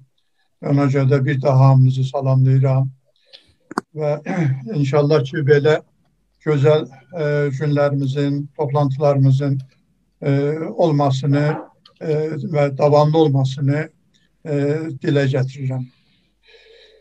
Mən istərdim ki, bu günlə bağlı üç e, anlayışı bir-birindən e, fərqləndirək.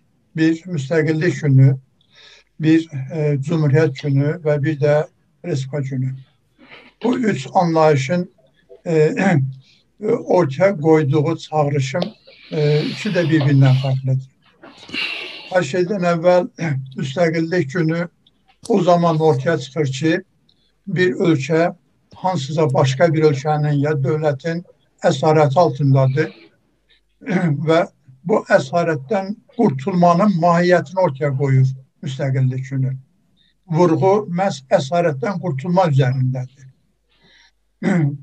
Bizim də e, tariximizdə təbii ki, çox dövlətlərimiz olub e, çox e, müəyyən bir işğal dövrlərin çıxmaqla e, tarixin elə bir e, dövrü yoxdur ki, e, Azərbaycan türklüyünün və bütövlükdə türklüyün e, müstəqil dövlətləri olmasın.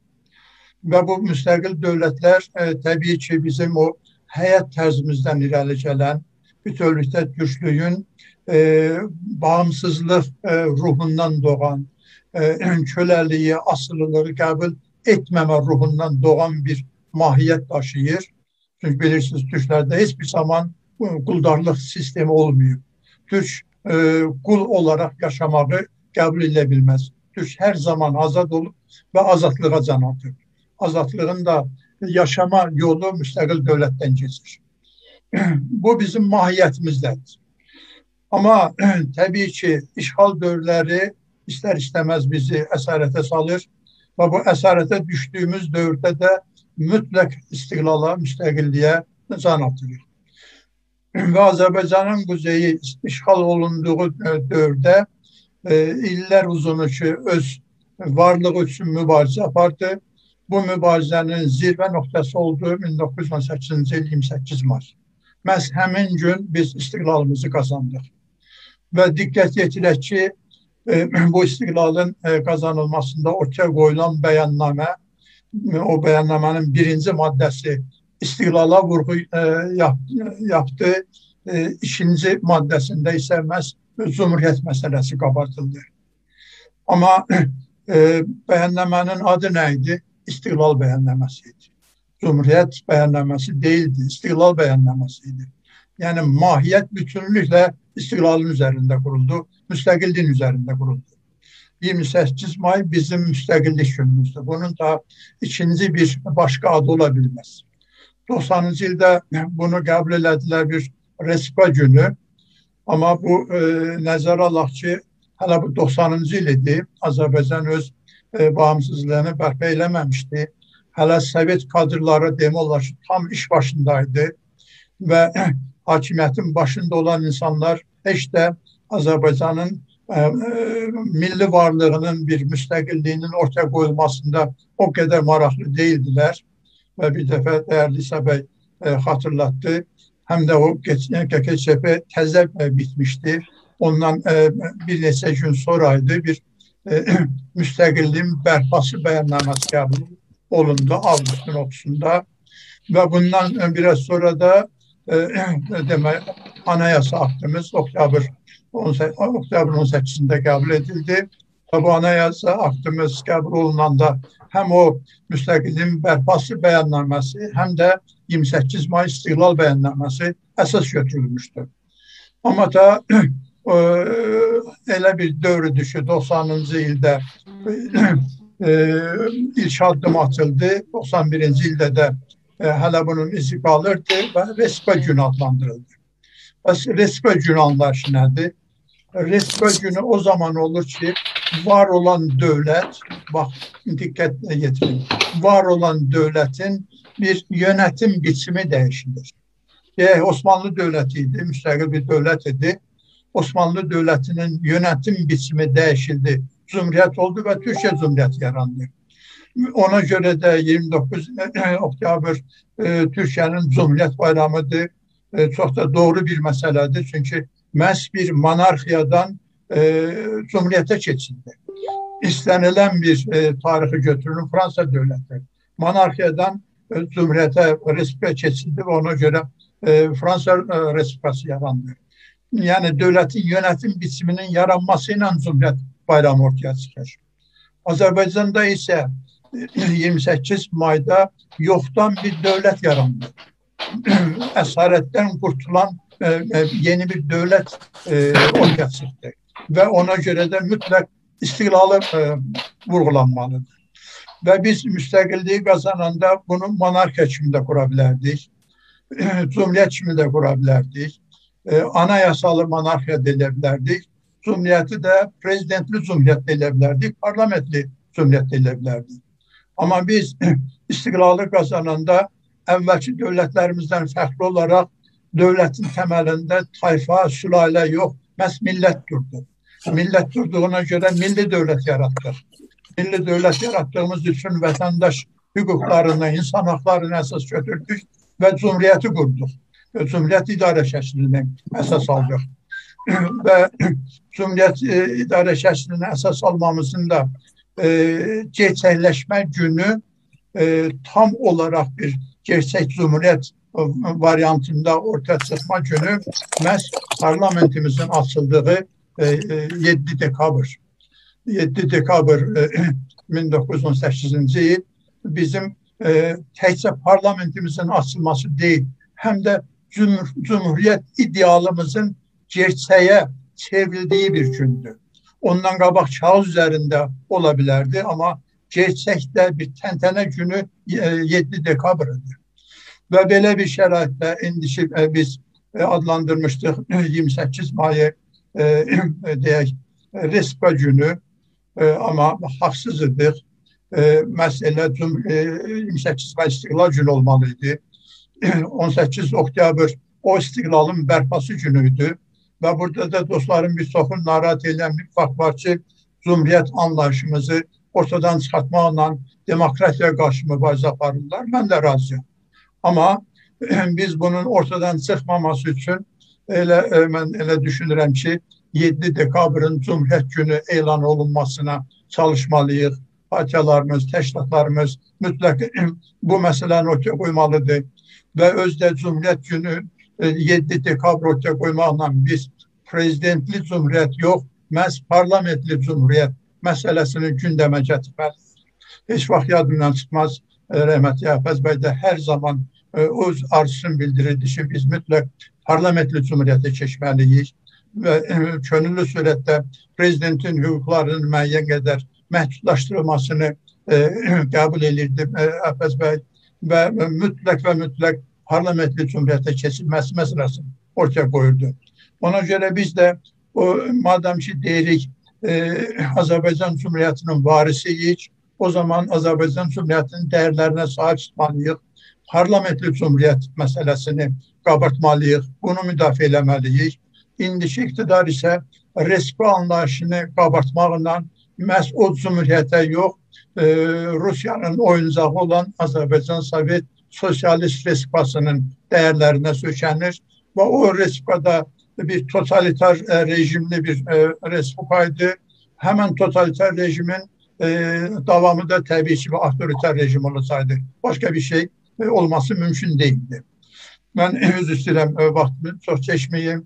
Təklifim budur ki, biz elə 28 Mart gerçəkdən istiqlal günü 18 oktyabr istiqlalımızın bərpası günü kimi qəbul etməli, amma Cumhuriyyəti də unutmamalı və 7 dekabrı Cumhuriyet Günü bayramı olarak irəli sürməliyik. Təşəkkür edirəm, sağ olun. Diqqətiniz üçün. Çox sağ olun.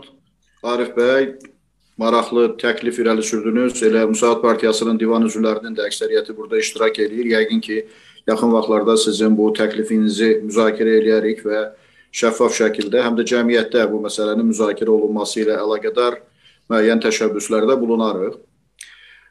Hörmətli e, istiqlalçı millət vəkilimiz Hacı Baba Əzimovu da bugünkü dəyərmi masamıza dəvət etmişik. Ancaq o texniki səbəblərdən e, qoşula bilmir və bizim bu məsələ ilə məşğul olan dostlarımız çox çalışdılar ki, o da bu dəyərmi masaya qatıla bilsin. Ancaq texniki baxımdan mümkün olmadı. Bizdən xahiş edib ki, onun salamlarını və təbriklərini dəyərmi masa iştirakçılarına çatdırım. Hacı Baba Əzimovun salamlarını və təbriklərini dəyərli masa iştirakçılarına çatdırıram.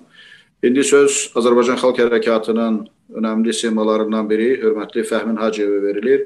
Növbəti söz yenə Azərbaycan Xalq Hərəkatının önəmli simalarından biri İlham Həsənə veriləcək. Buyurun Fəhmin bəy.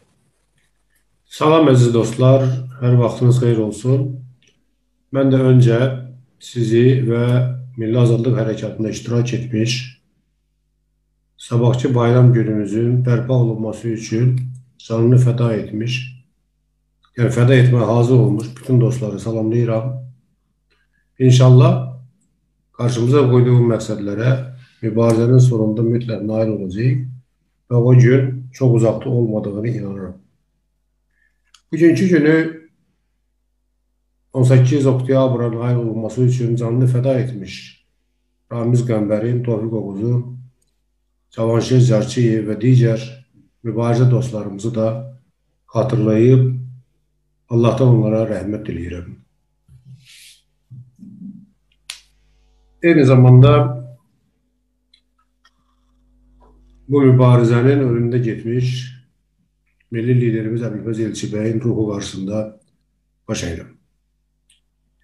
İndi isə fikrimi ona çatdırmaq istəyirəm ki, bir çoxları 18 oktyabrın mahiyyətini dərk etməkdə mənə belə gəlir çətinlik çəkir.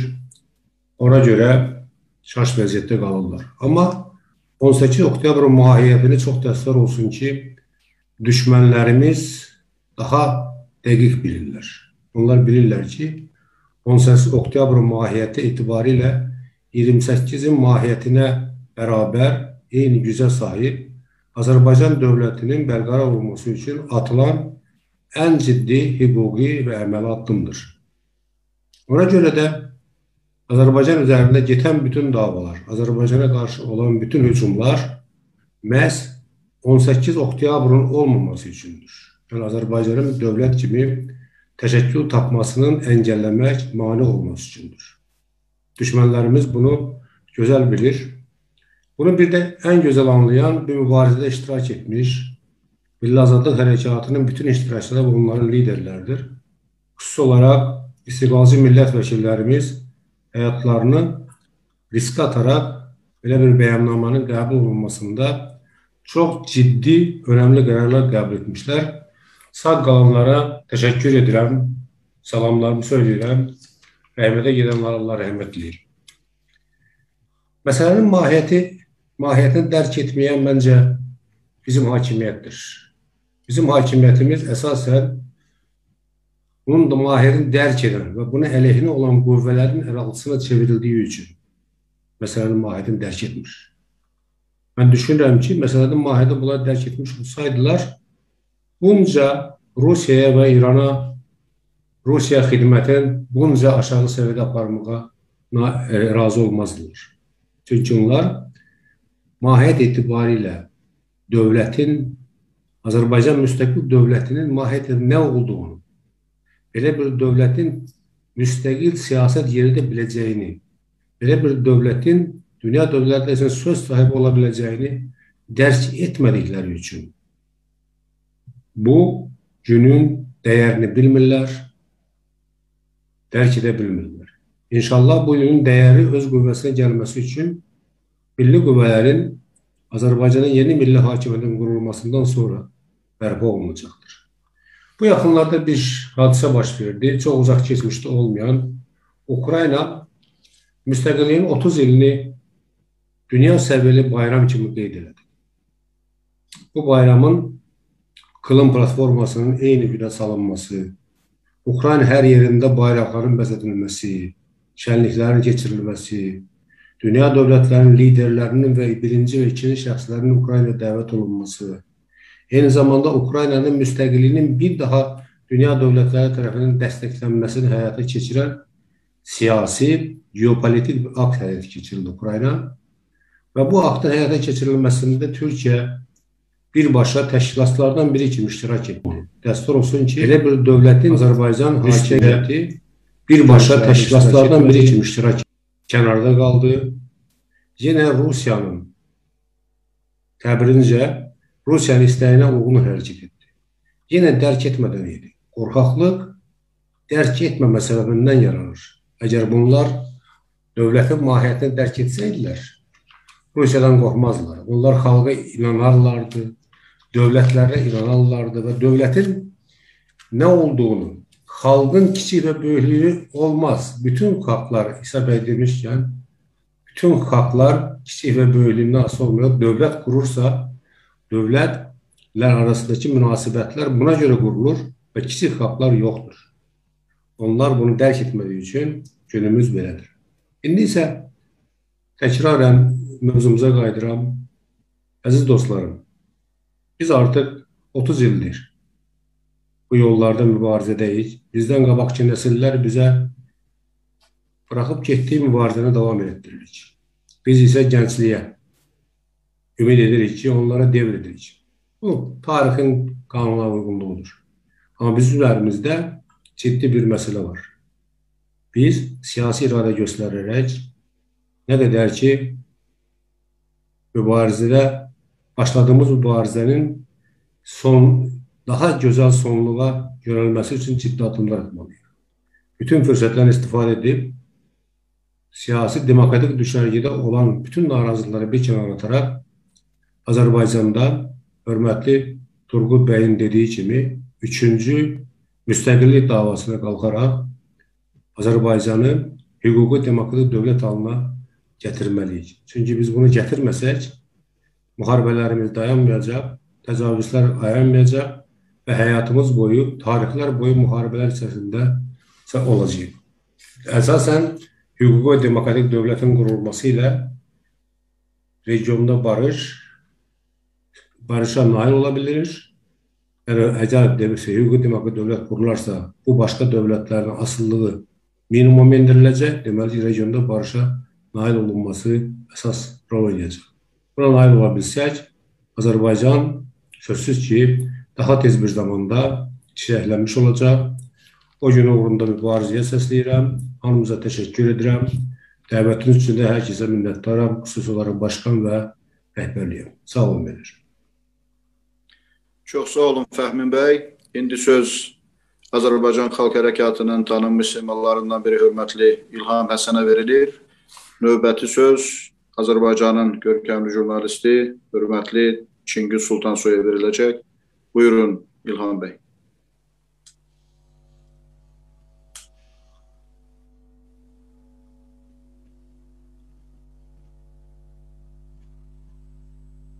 İlhan Bey bir daha zahmet olmasa Səsiniz gəlmir İlhan Bey. Deyəsən səs bağlı idi, indi açıldı. Hə, buyurun. Hə. Əvvəla Müsavat Partiyasına, onun rəhbərliyinə təşəkkür edirəm ki, bugünkü günü doğru dəyərləndirib və bu gün bu insanları, istiqlalçı millət vəkillərimizi, bu dəyərli insanları bir araya toplayıbdır. Burada çox dəyərli insanları, dostları gördük. Həmi, həmi də doğrudan da bugünkü günün dəyərini bir daha kendi özümüzdə hiss elədik.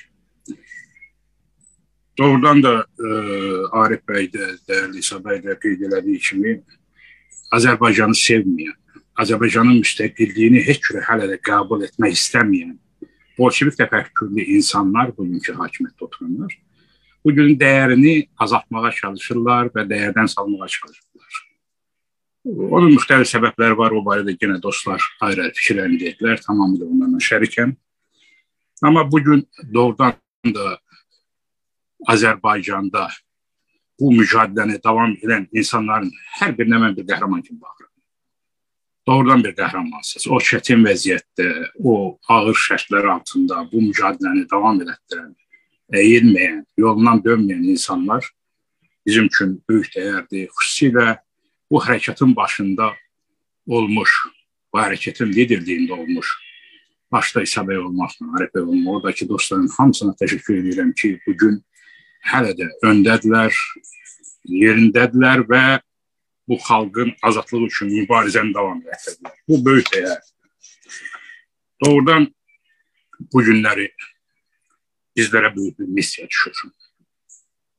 Bu missiya bu cümhuriyyətə layiq, bəli, təməlin Məmməd Əmin Rəsuladə qoyduğu, Müsavat qoyduğu o cümhuriyyətə layiq bir dövlət qurmaq. Biz o müstəqilliyi alsaq da, amma o dəyərlərə layiq bir cümhuriyyəti bərpa edə bilməmişik. Təəssüflər olsun ki, düşmən çox böyükdür və e, bəzən e, rişvətlə bu hadisələrə 92-93-cü ildəki hakimiyyətə, milli hakimiyyətə irad tutan insanlar e, düşmənin böyüklüyünü ya hiss etmirlər ya da ki doğrudan da e, hiss etmək istəmirlər. Düşmən çox böyükdür. Ətrafımız düşmən dövlətlərlə çevrildi. Amma buna baxmayaraq xalqımız buradakı dəyərli insanların rəhbərliyi ilə bu mücadiləni verdi. O illər çox bugün kimi gözümün önünə gəldikən doğrudan da məşəqqətli bir yol keçildi, çətindir. O deyirlər ki, e, Rusiya dağılmasaydı bu da olmazdı. Rusiya verdi müstəqilliyi. Bunu insanları doğrudan da bu günün dəyərini aşağı sal aşağı salmaq üçün, bu günü dəyərsiz eləmək üçün o deyilən sözlərdir.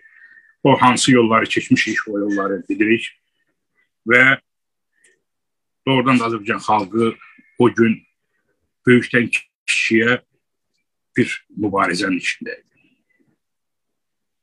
dahilərdən belə bir sözü var. Azadlıq olmayan yerdə ədalət olmaz. Ədalət olmayan yerdə ləyaqət olmaz, nə də ki doğrudan da e, orada xoşbəxtlik olmaz. Və bizim ölkəmizi böyük imperiyalar Rusiya kimi Azərbaycan müstəqil görmək istəməyən Avropanın bəzi işğalçı dövlətləri kimi e, o dəyərləri bizdə yox eləməyə çalışır. 30 ildir ki, insanları e, müxtəlif e, sıxıntılara salaraq bu düşünülmüş şəkildə bu azadlığın dadını görməyə imkan vermədilər. Azadlığın dadını dadmağa imkan vermədilər. Və azadlıq olmayan yerdə əxlaq olmaz. Doğrudan da bu günləri Azərbaycanı e, o əxlaq kriterlərindən uzaqlaşdırmağa çalışırlar.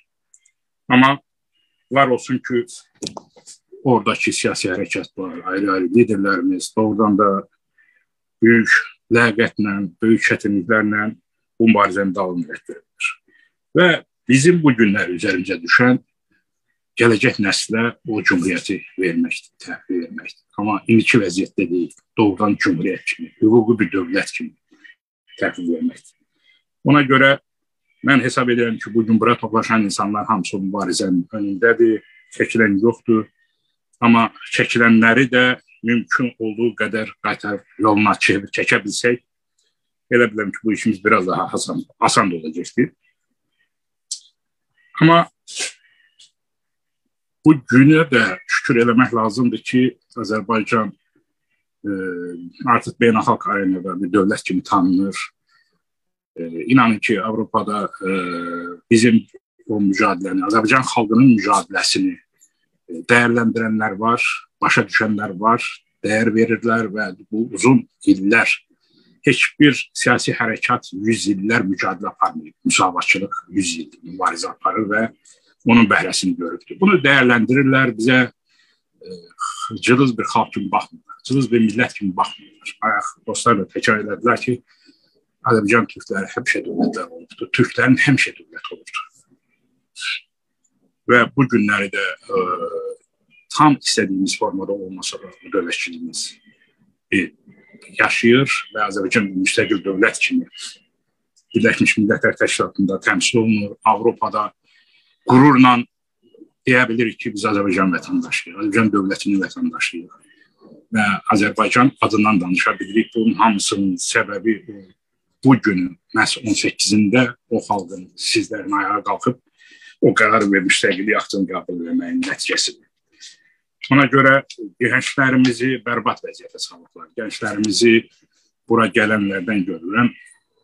Böyük güclər təbii ki, bizi kimi xırda millətlər ki, saydıqları xırda millət sayılır, amma böyük milləti sadəcə olaraq e, qəbul etmək istəmirlər.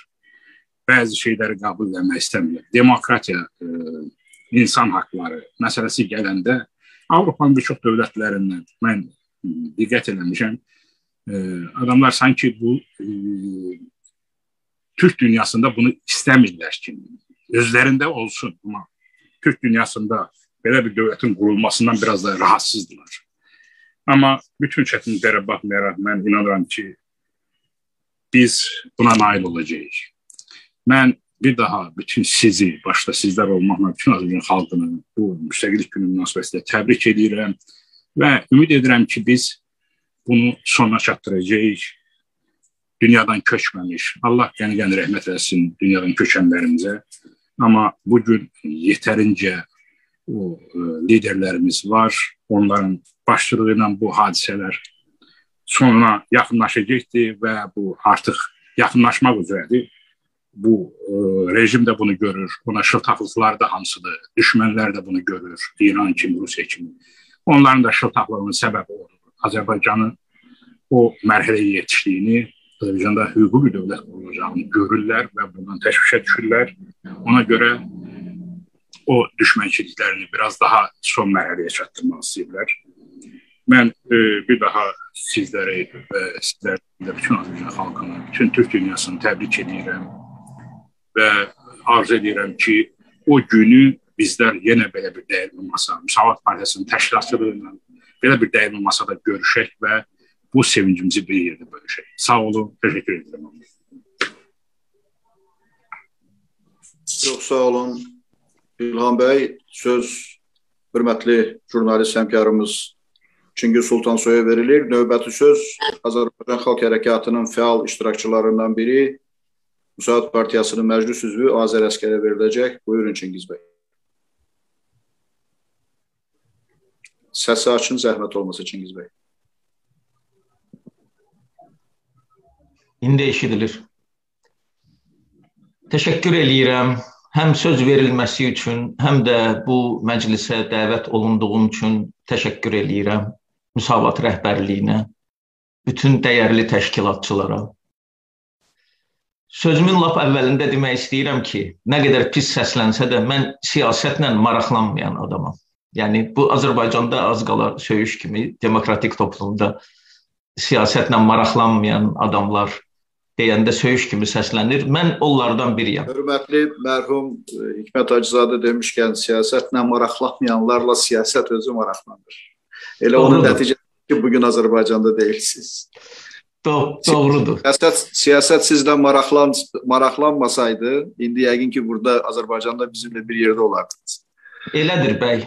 E, sözümün davamı odur ki, siyasətlə maraqlanmayan adam e, məcbur olub siyasətlə maraqlanmağa başladı. E, xalq hərəkatında iştirak elədi və bir siyasi jurnalist oldu. Səbəbi yalnız odur ki, e, əgər əgər ədalət, əgər dürüstlük axtarırsansa və bir yazar üçün e, bunların olmamağını çox böyük e, çox aşağı bir keyfiyyət hesab eləyirəm. Bu qələm və ədalət axtarışı məni məni bu yola gətirdi. Bizim müstəqilliyimiz təbii ki, yazan adamı, düşünən adamı e, düşündürməli idi. E, ədalət, e, Sovet Sovet quruluşundan, e, Sovet istibdadından qutarmaq və s. bu kimi bu, bu kimi amillər məni bu yola gətirdi. E, müstəqillik e, bayramının adının dəyişdirilməsi barədə, e, Respublika gününün dəyişdirilməsi barədə fikrimi söyləmək istəyirəm. Bu yaxınlarda diskussiyaların birində iştirak eləyəndə deməli belə bir söz ağlıma gəldi. Onu onu burada tək biraz düzəldib təkrar etmək istəyirəm. Hakimiyyətin istənilən hərəkətində əgər cavabın 2, 3 və yaxud daha çox variantı mümkündürsə, hakimiyyətin heç özünün marağını nəzərə almayın. Xalqa ən pis variantını seçin və onu tıklayın. Səhv eləməyəcəksiniz. Aydın məsələdir ki, bu e, bayramın adının dəyişdirilməyi e, yalnız Respublika gününün adının silinməsi idi. Respublika sözünün silinməsinə xidmət edir. Amma o başqa söhbətdir ki, e, bu müstəqillik günü bəlkə də müstəqilliyin bərpa edilməsi günü doğrudan da adlandırıla bilər. Çünki bizim müstəqilliyimiz yalnız 91-ci ildə e, Ali Sovetin məlum qərarı ilə başlamayıb. Bu belə bir bir fikrimdir. E, bugünkü e, siyasətdə, bugünkü vətəndən uzaqda olsam da çox vaxt mənə deyirlər ki, e, çıxıb getmisən, niyə bu barədə fikir söyləyirsən? E, rastlaşıram, tez-tez rastlaşıram e, və incitmir məni bu təbii. E, çünki insan harda olsa da onun vətəni vətən olaraq qalır. O özü onu unuda bilər. Onun getməyinin və yaxud vətəndə qalıb e, qalmamağının önəmi yoxdur. Vətəndə qala-qala nə qədər öz e, əvvəlki ideallarına, amallarına, prinsiplərinə dönük çıxan adamlar görmüşük. Və bugünkü ölkənin bugünkü vəziyyəti də məni düşündürür. Əlbəttə, ümidverici məqamlar da var. Mənim üçün ümidverici məqamlardan biri natamamlıq kompleksinin Azərbaycan xalqında olan natamamlıq kompleksinin, yəni özünə inamsızlığın e, bir milli konsolidasiyasının, milli milli birlik deyəndə sıx birləşməyi nəzərdə tutmuram. Aydın məsələdir. Bu milli kon konsolidasiyasının mümkünlüyü və hətta e, əlçatan olmağı məsələsi şuurlara hakim e, olması sevindirir. Yəni biz milli natamamlıq kompleksindən qutarmasaq da mən də bu kompleksə çox böyük önəm verirəm. Bu barədə dəfələrlə yazmışam, verilişlərdə çıxış eləmişəm, bir veriliş çəkmişəm və s. və s. və hesab eləyirəm ki, bu e, respublika quruculuğu yolunda demokratiya ölkədə demokratiya qurmaq yolunda önəmli tormozlardan biridir və bu tormozlardan biri xeyli dərəcədə zəifləyib keçən ilki 44 günlük müharibədən sonra onun nəticələrinə və diplomatik nəticələrinə baxmayaraq. Bu bir önəmli məqamdır. Digər önəmli e, məqam e, deməli hakimiyyətin repressiyalarının gücləndirməyidir. Təbii gözlənilən idi və e, dostum mərhum Hikmət Hacızadə ilə ölümündən bir neçə gün danışanda və Hikmət deyəndə ki, e, bu e, bu bu məsələ, bu müharibəni bu cürə təşkil eləmək, bu müqam, məqamda təşkil eləmək heç şübhəsiz ki, İlham Əliyevin e, bir e, bacarığıdır, bir bir istedadıdır, e, bir e, hünəridir, belə bir şey dedi. Ivo Zasluga dedi də, belə rus dilində danışırdıq. Zasluga dedi. Mən dedim, e, bu öz yerində hikmət, amma sizin gününüz orada qalanların günü qara olacaq və özünə məxsus bir e, fəlsəfi, bir müdrikliklə dedi ki, bu da bizim taleyimizdir. Nə etmək olar? Bu da bizim taleyimizdir. Və gözlənilən oldu, repressiyalar artdı.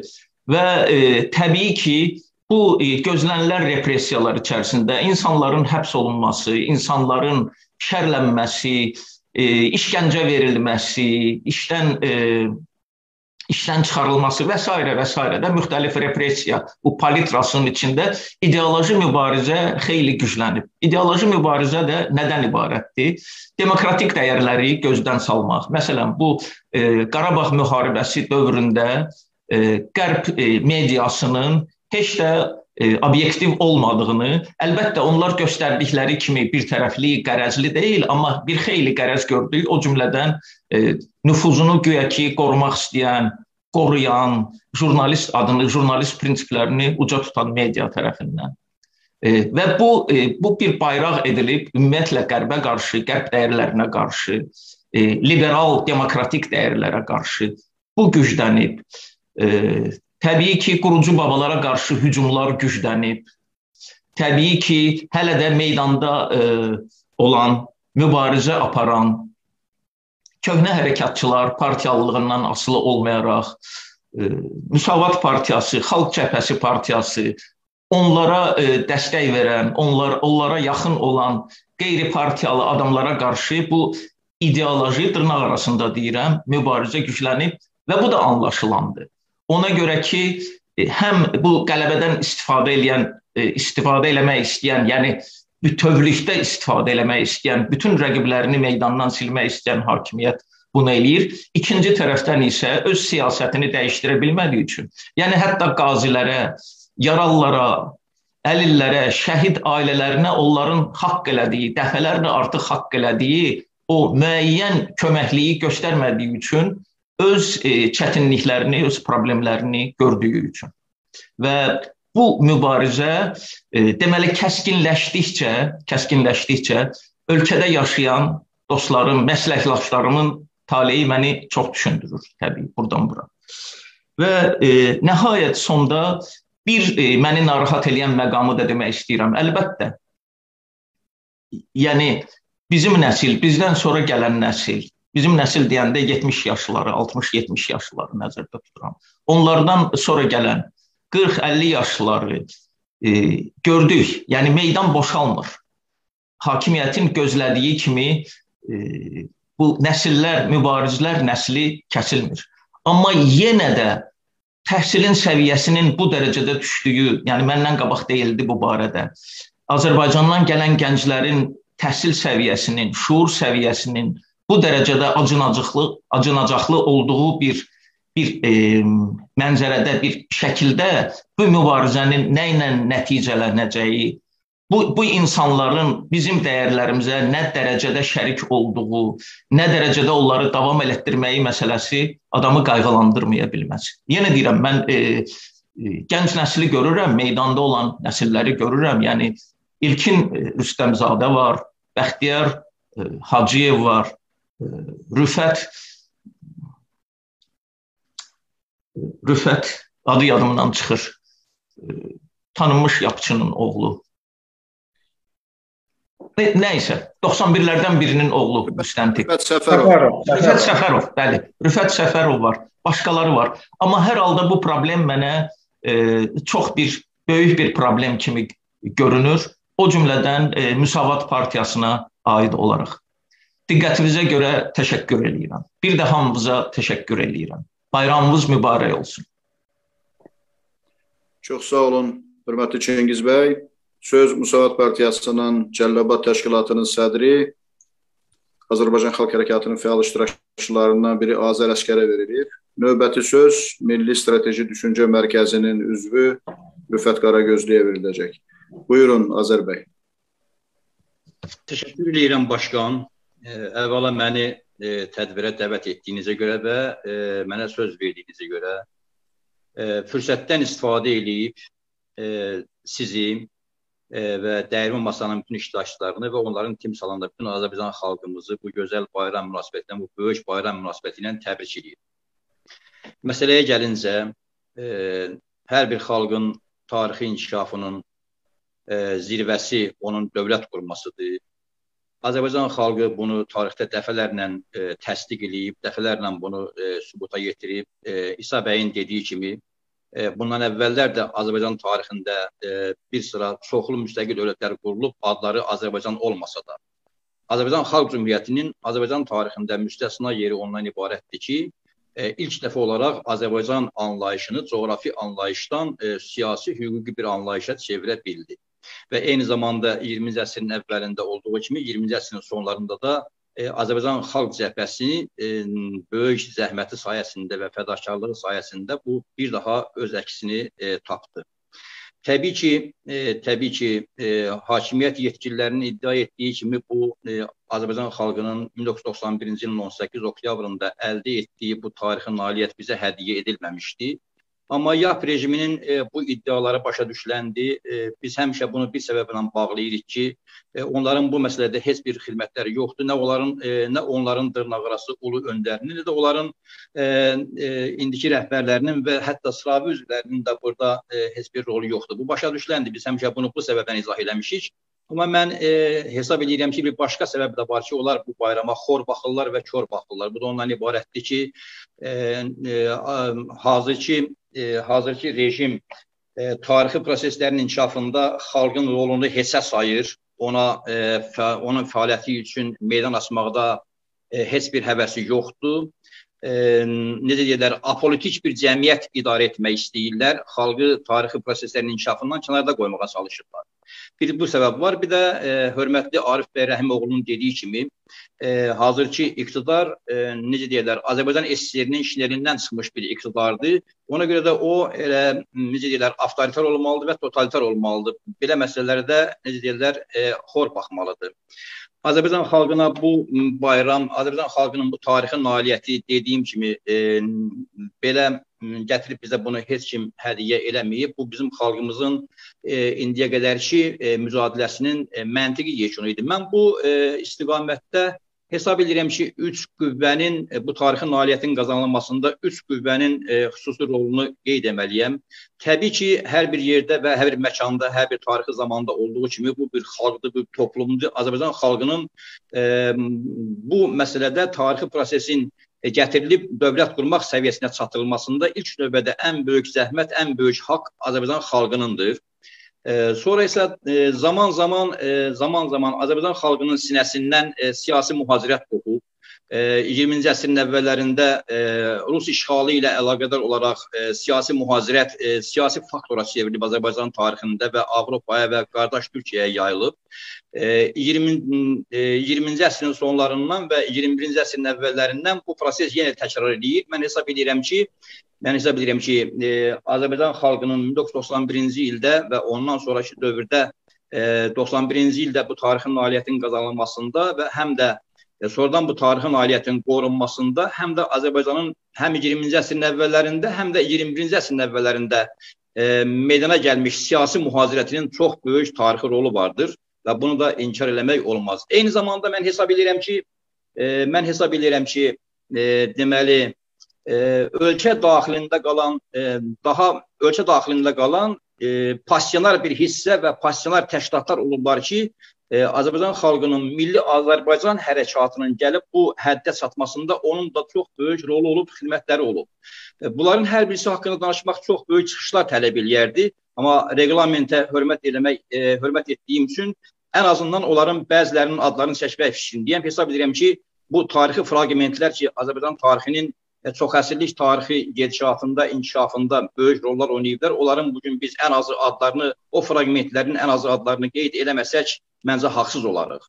E, mən e, 91-ci ildə 18 oktyabr hadisəsini təkcə 20-ci əsrin əvvəllərindən başlamış Azərbaycan xalq hərəkatının e, məntiqi yekunu hesab eləmirəm. Mən həm də e, bu hadisəni Milli Azərbaycan hərəkatının bir məntiqi yekunu, bir tarixi nailiyyəti hesab edirəm ki, bunun da əvvəlini hesab edirəm ki, Rus işğalından, yəni e, müstəqil dövlətçiliyimizin e, itirdiyimiz e, xanlıqlar dövrünün e, sonundan Rus işğalının başlanmasından Gülüstan Türkmensay sülhlərinin bağlanmasından başlamaq istəyirəm. Misal üçün qeyd edeyim ki, 19-cu əsrin 30-cu illərində Azərbaycanın e, 4 iri keçmiş xanlığın ərazisində baş verən üsyanlar mən hesab edirəm ki, Milli Azərbaycan hərəkatının ayrılmaz tərkib hissələri idi. Çünki onlar ən azı o faktı ortaya qoyurdu ki, Azərbaycan xalqı özünün əldən getmiş müstəqilliyinin itirilməsi ilə barışmaq niyyətində deyil. 19-cu əsrin ikinci yarısında baş verən üsyanlar, Eyni zamanda 19-cu əsrin ikinci yarısında e, Azərbaycan ictimai siyasi fikrinin e, necə deyirlər, mən fırtına dövrü adlandırılan bir şey. Bu da tarixi yekununu, tarixi e, məntiqi sonluğunu AXZ-nin yaranması ilə tapdı. O mənada bunu deyirəm ki, məsəl üçün e, 19-cu əsrin ikinci yarısında e, deyək ki, e, Mirzə Fətəli Axundzadənin Azərbaycan Milli Dramaturgiyasının e, bünövrəsini qoyması, Bu zəmin üzərində e, ilk Azərbaycan teatr tamaşasının ortalığa çıxması, Həsən bəy Zərdabinin Əkinçi qəzetinin ortalığa çıxması, 19-cu əsrin 70-ci illərin sonlarında, 80-ci illərində Ziya Kəşkül kimi qəzetlərdə, e, digər qəzetlərdə Azərbaycan milləti anlayışının ortalığa çıxması, e, bütün bunlar hamısı Azərbaycan milli hərəkatının çox e, necə deyirlər, e, əhəmiyyətli e, hadisələrindən biridir. Mən hesab edirəm ki, 20-ci əsrin əvvəllərində, lap əvvəllərində Əlibəy Hüseynzadə, Əhməd bəy Ağoğlu, Əlbədən bəy Topsbaşov, İsmail bəy Ziyadxanlı, Məhəmməd Əmin Rəsulzadə, Məhəmməd Əli Rəsulzadə və digərlərinin meydana çıxması məhz 19-cu əsrin ikinci yarısında əsası qoyulan o tarixi fırtınalı inkişafın nəticəsi idi. Yəni bu gəlib belə bir e, e, nəticə çıxardı və Azərbaycan Xalq Cümhuriyyəti e, meydana gəldi. Sonra Cümhuriyyətin e, Rus işğalından sonra AXZ-nin süqutundan sonra Azərbaycanda baş verən üsyanlar, 30-cu illərin repressiyaları, AXZ-nin ortalığa qoyduğu azadlıq hissinin e, Sovet rejimi tərəfindən boğulması ilə müqayisədə xalqın azadlıq istəklərinin ortalığa çıxmasında böyük rol oynadı. 40-cı illərdə İldırım təşkilatının mən hesab edirəm ki, adını çəkmək lazımdır. 40-cı illərdə Heydər Hüseynovun e, 19-cu əsrdə Şimali Qafqaz xalqlarının, Dağlıq xalqlarının Rus işğalına qarşı mübarizəyə həsr etdiyi 19-cu əsr Azərbaycan ictimai və fəlsəfi fikir tarixindən adlı əsəri qeyd etmək lazımdır. E, sonra 50-ci illərdə Bəxtiyar Vahabzadənin Gülüstan poemasının məncə dəyəri verilməlidir. 60-cı illərdə e, Oqtay Eldəgəzin və Xudu Məmmədovun e, başlıq etdikləri Milli Azərbaycan qərargahının rolunu qeyd etmək lazımdır. 70-ci illərdə Əbülfəz Elçibəyin başlığı altında Azərbaycan Dövlət Universitetində e, tələbə hərəkatının və gizli qrupların fəaliyyətini qeyd etmək lazımdır.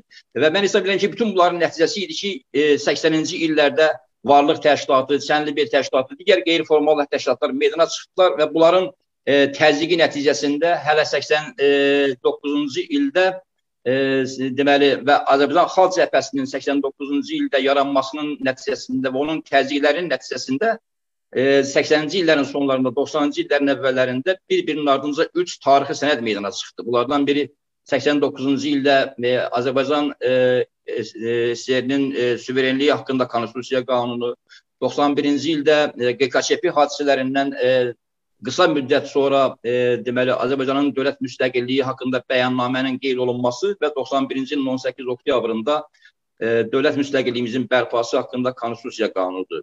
Mən hesab edirəm ki, bütün bunlar hamısı e, Milli Azərbaycan hərəkatının 90-cı illərin əvvəllərində Azərbaycanın dövlət müstəqilliyini bir daha ortaya qoymasın, e, qoymasında çox böyük e, deyirlər, xidmətlər olubdu və bu xidmətlərin e, qeyd olunması e, hökmən lazım idi. E, çox sağ olun Arif bəy, e, reglamentə əməl etməyə çalışdım. E, diqqətə görə təşəkkür edirəm. Sağ olun. Çox sağ olun Azərbəy. Reglamenti bir qədər açdınız, amma təxminən 100 il ərzində olan hadisələrə qısa da olsa bir xronoloji ardıcıllıqla qiymət verməyə bacardınız. Çox sağ olun bu çıxışınıza görə. Çıxış üçün söz Milli Strateji Düşüncə Mərkəzinin üzvü hörmətli Rüfət Qaragözlü bəyə verilir. Buyurun Rüfət bəy. Təşəkkür edirəm. Hörmətli xanımlar, bəylər, hörmətli başqan, hörmətli İsa bəy, e, teşekkür ederim söz verdiğiniz için, davet, davet ettiğiniz için. E, ben de e, bütün e, təbriklere koşuluram. Ürəkdən təbrik edirəm. Burada e, görkəmli e, Azərbaycan hərəkatının e, e, nümayəndələrini görməkdə və onlarla bir yerdə olmaqdan qürur hissi duyuram və bir daha da təbrik edirəm. Ee, icazə verin iki kəlmə də mən sizə deyim. Demək, e, hər biriniz kimi mən də dinlədim e, hörmətli dostları və e, ham bütün e, e, o və ya bu e, dərəcədə bir üzüntü hiss ettim. Təbiidir bu üzüntü də. Bu da e, ələlxüsus özellikle e, şeyle bağlı. Bu tragikam, tragikomedi e, durumla. Tragikomedi durumu neden ibaretti? Yəqin ki, anlayarsın dediğimi. Ondan ibarətdir ki, e, Azərbaycanın müstəqilliyinə qarşı çıxan, çıxış edən və bütün imkanları ilə qarşı olan qüvvələr, insanlar indi həmin o müstəqilliyin e, deməli e, nemətlərindən yararlanırlar, bayrağı altında sığınırlar, bayrağı qaldırırlar, e, himni bilməsələr də onun sədaları altında nə, nələr eləyirlər və s. və ilə. Yəni dövləti idarə edilir, müstəqil dövlətimizi. Bu üzür ad insanı çünki biz bilirik tarix nədəndir, ibarətdir, kimlər bunu yaratmışdır. Amma bu durum bir gerçəklikdir. Bugün biz bunu yaşayırıq. Bu bir. Və mən bundan üzüntü duyuram və yapacaq bizdə bir şey yox. Barışmalıyıq, amma mübarizəmizi davam etdirəcək. İndi e,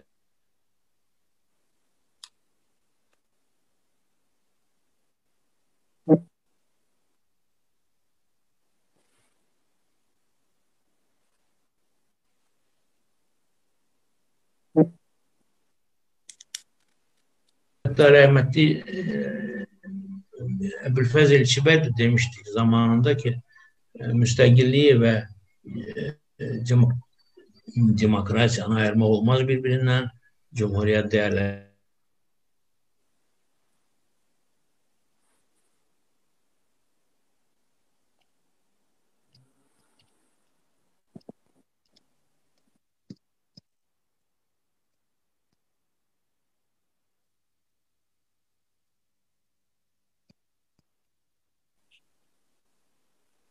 Rüfət bəy, səsiniz itir bəzən, eşitmirik sizi.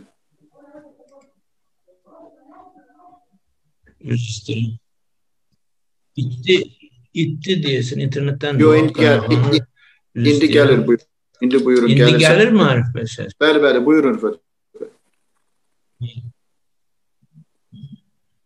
Deməli, e, ki, bu, e, axı biz unutmayaq ki, biz nəyi e, bayramını, nəyi təntənəli, nəyi bir şey. Biz e, 30 il bundan əvvəl o 91-ci ildə nəyi bərpa etmişdik? Azərbaycan Xalq Cümhuriyyətinin e, davamçı e, bərpa etmişdi və o müstəqilliyi biz amorf bir dövlətçiliyi e, e, tərənnüm etmədik. Biz Azərbaycan Xalq Cümhuriyyətinin dəyərlərini yenidən bərpa etmək istədik və müəyyən dərəcədə etdik də onu elan etdik 30 il bundan əvvəl. Yəni müstəqilliklə hesab edir. Bu mənim fikrimdir, razılaşma edə bilərsiniz, amma mən edirəm ki, bu önəmlidir. Müstəqilliklə cümhuriyyət dəyərlərini bu bir vahidin iki tərəfidir. Bunları ayırmaq olmaz. Necə ki, cümhuriyyətsiz e, müstəqillik olmazdı, müstəqillik isə cümhuriyyət olmazdı. Yəni müstəqillik olmadan nə insan haqları, nə demokrasi, nə parlament, nə bir şey qura bilməzsən. Amma cümhuriyyətçi, cümhuriyyət dəyərləri sizdə e, dövlətçiliyi qura bilərsən, bəlkə də şaxlıq, amma biz şaxlıq qurmadıq. Burada deyildi ki, biz qura bilərdik, amma biz qurmadıq. Mən inanmıram ki, 91-ci ildə və 88-ci ildən 91-ə qədər Xalq cəbhəsi başda olmaqla və Əbülfəz bəy bütün hərəkatın orada insanların ağlından bir şaxlıq keçirdi, bir xanlıq. Səb Azərbaycanların dövlətləri olmuşdu. Tarix zəngindir. Səbəbilərdən tutmuş, uzun həsəndən tutmuş, nə bilim, Səbəbi dövləti, Atabəylər, Şirvanşahlar filan filan, Ağqoyunu, Qaraqoyunu və s. və tarixçilər daha yaxşı bilir bunu. Mən onları sonra vaxtınızı almayım. Demək istəyirəm ki, bizim e, gəlin saptırmayan yoldur. Bizim müstəqilliyimiz cümhuriyyətlə inteqrə olunmuş e, bir vahiddir. Bunu bir-birindən ayırmaq doğru olmaz. Bu böyük yanlışlıqdır. Mən burada sizi uyarmaq istəyirəm. Bu yanlış şeydir. Çünki bəzən belə dostlarımız fikirləşir ki, bəli, müstəqillik öz yerində, Öncə müstəqillik olsun, müstəqil olaq. Sonra da bacardığımız qədər demokratiya da yaxşı şeydir. Onlar demokratiya qarşıdır, amma demokratiya ayırdıq sanki. Amma elə deyil, bu bir canlı orqanizmdir. Nəyin müstəqilliyi? Azərbaycan Cümhuriyyətini biz bərpa etmişik. Azərbaycan Cümhuriyyət özü nədir? Cümhuriyyət həmin o şaxlığa qarşı olan bir dövlətçilik formasıdır. Yəni seçkili e, idarə etmə e, deməli e, dövlət formasıdır. Burada hamı bunu bilir. Parlament olacaq, başqa məsələ ki, prezidentlik olacaq, e, baş naziri, o başqa o, o, o başqa söhbət. O formalarıdır. Cümhuriyyətin formasıdır. Türkiyədə məsələn indi e, Cumhurbaşkanlığı oldu Amerikada Cumhur. Amma onlar hamısı cumhuriyyətdir. İngiltərənin də Norveçi də səhv deyil. Elə bilirlər ki, elə deyirlər ki, ki orada şahlıqdır. Şahlıq adı nominal adı qalıb İngilis kraliçəsinin bütün səlahiyyətləri alınmış. Nə Norveç, nə Danimarka, nə İsveç, nə İngiltərə, nə Hollanda, onlar Belçika, onlar hamısı krallıq deyilə bilər, amma onlar hamısı cumhuriyyətdir. Arkadaşlar, dostlar, bunu karıştırmayın. Xahiş edirəm, Azərbaycan da cumhuriyyətdir. En azından biz elə bizim mübarizemiz bol. Bütün e, progresif insanların, mütərəqqi insanların mübarizesi bol. Başka şey yok. Kimdəsə alında varsa vursun, söylesin. Ama Elçi Bey de başta olmakla dəfələrlə bu vurgulanır və deyilib. Mən də xahiş edirəm sizdən. Gəlin bu məsələdə e, dəqiq olaq. Çünki mübarizəmiz əslində böyük mübarizə, ideoloji mübarizə. Mübarizə də 10 100 ildə mübarizə gedir. 100 il. Amma 200 il, 300 il deyil. Burada deyildi Rusiya əsarətindən. Rusiya əsarətindən o başqa. Ru Rusiya Rusiya qarşı əsarət 200 ildən çox gedir, doğrudur. Gürcistan, Türkmen, Çəkən. Amma orada biz hələ dövlət kimi, cumhuriyyət kimi formalaşmamışdıq.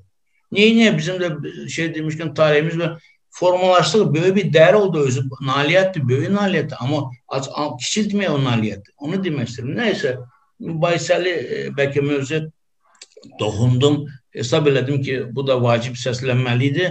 E, ola bilsin tez şəklində şey eləyəcəkdim. E, bu, bunu demək istədim. Təşəkkür edirəm. Bir daha təbrik edirəm sizləri və e, başarılar, uğurlar, can sağlığı diləyirəm kəsə.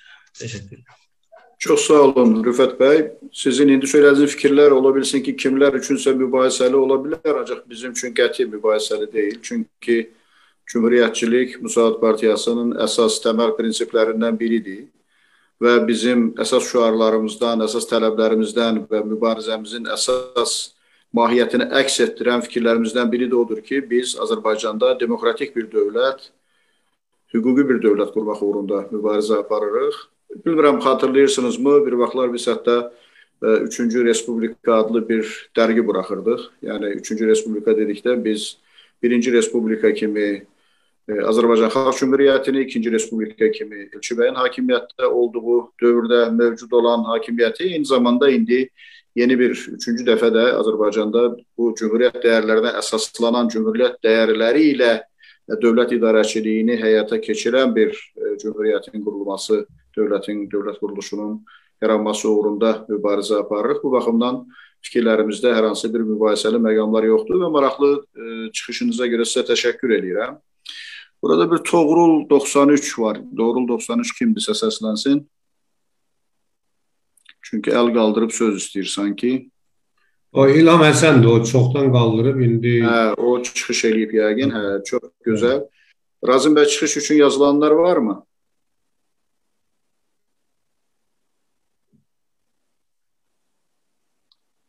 Təxminən 2 saatdır ki biz dəri masamızı keçiririk. Məlumat çıxış eləməyəcək Arif bəy. Turgut. Arif bəy. Hə, sevgili başkan. Kim çıxış eləmək istəyir? Turgut bəy. Ha, Turgut bəy. Turgut Ər? Bəli, bəli. Hə. İndi e, buyurun. Buyurun Turgut bəy. Bağışlayın, ben bir e, Sayın Zelimxan Bey'in bir şeyi vardı, e, cümlesi vardı. Ona bir e, kanaatimi arz etmek istiyorum. Buyurun, buyurun Turgut Bey. Şuşa beyannamesinin e, önemini bahsetti. Azerbaycan için. Şuşa beyannamesi e, kanaatimce tek taraflı bir şeydir. Azerbaycan hakimiyetinin uyduğu bir şey, riayet ettiği bir şey değil. Çünkü orada verilen sözleri Azerbaycan hakimiyeti Şuşa'da öylece bıraktı. Kayıttı şey, nedir, Bakı'ya. Çünkü bu Türkiye Cumhuriyeti Devleti'nin e, Cumhurbaşkanı hacalete sürükleyen bir şey oldu. Biri bu.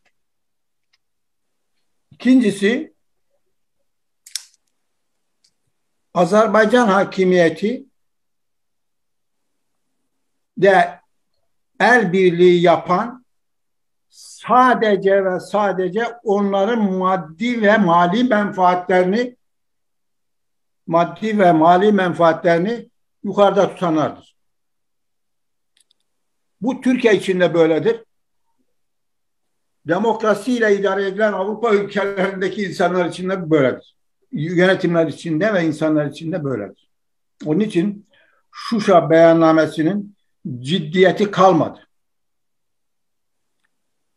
Bunu söylemek istedim.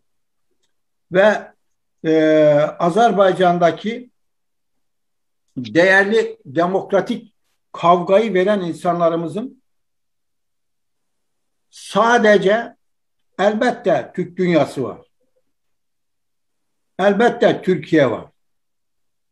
Ama sadece kendi milli duygularına ve kendilerinin potansiyeli olan bayak da demin dedim gençlerine arkalanarak mücadeleyi götürmeleri lazım. Milli birlik ve birliği beraberliği sağlayarak.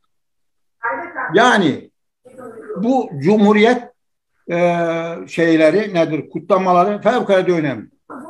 Ama ben şu tavsiyede bulunmak mecburiyetinde hissediyorum kendimi ki Musavat Partisi gibi bir büyük partinin 111 yıllık bir partinin ne yapıp yapıp gençlik gençlerini Azerbaycan'a yurt dışındaki gençlerini Azerbaycan'a getirmeleri gelsin. Davet etmeleri gerekiyor ve onlarınla birlik ve beraberlik içerisinde olması gerekiyor.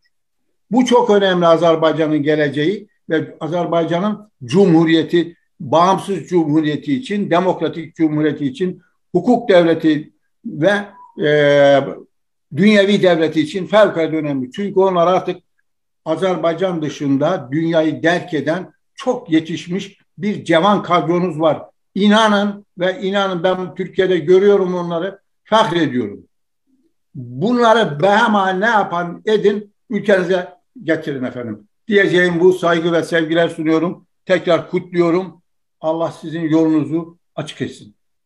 Çok sağ olun Turgut Bey.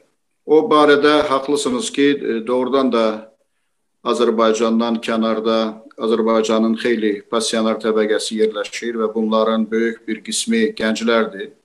Gənclər xaricdə təhsil alırlar və onlar yüksək təhsilli mütəxəssislərə çevrilirlər. Ancaq Azərbaycanda olan siyasi konjunktura, burada olan korrupsiya və rüşvətxorluq səbəbindən öz fəaliyyətlərini Azərbaycandan kənarda davam etdirirlər və öz karyeralarını Azərbaycandan kənarda qurmağa çalışırlar. Çünki indi Azərbaycanda deyək ki, gəlib burada e, müxalifət istiqamətlərinə qoşulmaq təhlükəlidir. Karyera qurmaq üçün də təhlükəlidir, azadlıq üçün də təhlükəlidir.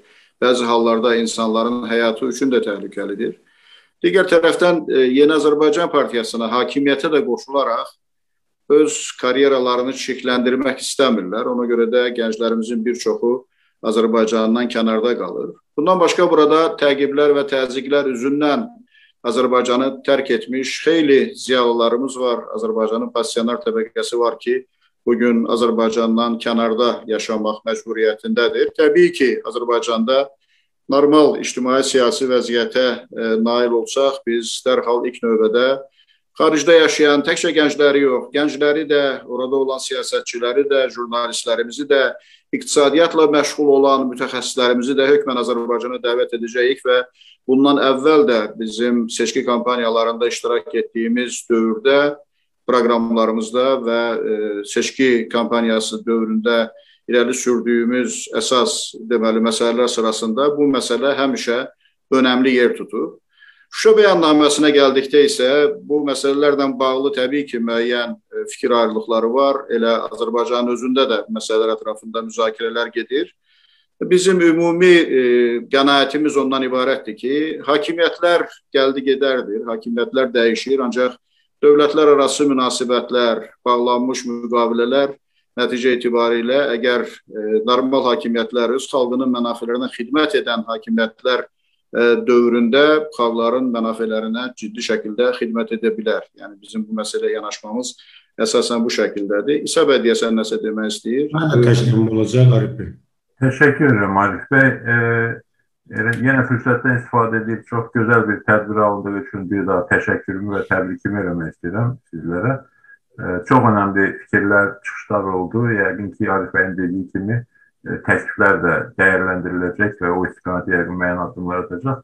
Sadəcə mən də e, hörmətli Turqut bəyin toxunduğu məsələdə Arif bəyin mövqeyi ilə razıyam. Təbii ki, bizim e, proseslərlə bağlı çox ciddi radlarımız var və baş verən bütün hadisələrlə bağlı çox ciddi tənqidlər etmək tamamilə məntiqlidir və mümkündür. Amma tarix elə bir prosesdir ki, deyilən hər bir sözün, qəbul edilən hər bir sənədin mahiyyəti təkcə orada yazılmış sözlərlə ibarət deyil və təkcə həmin sözləri kimin deməsindən ibarət deyil. Şura bəyannaməsi tarixi bir sənəddir və Türkiyə-Azərbaycan münasibətlərinin millət olaraq bir millətik, müxtəlif dövlətlərdə mövcud olmuşuq. Bu dövlətlər arasında e, savaşlar da olubdur, sülhlər də olubdur, birlik, əməkdaşlıq da olubdur. Son dövrdə, son 30 ildə Türkiyəmiz hər zaman Azərbaycanın yanında olubdur. Müxtəlif gərginliklər olsa da, Elçibəy hakimiyyətindən fərqli olaraq Əliyev hakimiyyəti fərqli siyasət yürütsə də, bəzən Türkiyədəki hakimiyyətlərə də bizim iradlarımız olub və ola bilir. Amma e, bu Şuşa bəyannaməsi o qədər önəmli bir sənəddir ki, o sənəd bu gün də sabah da Azərbaycanımızın maraqlarına cavab verəcək, Türk dünyasının maraqlarına cavab verəcək. Bunu mütləq qeyd etmək istədim. E, yəni proseslərdəki detallara aid fikirlərimiz özgə, Ancaq prinsipial müəyyən məqamlar var millətimizin maraqları ilə bağlı. O maraqlarda məncə hamımız eyni səmimiyyətlə, eyni şəkildə yolumuza davam etməliyik. Mən çox şadam ki, bugün Turqut bəy burada gördüm və onun maraqlı fikirlərindən bir daha tanış oldum. Ancaq bu qeydimi də eləmək istədim. Var olun Turqut bəy. Bir daha təşəkkürlər.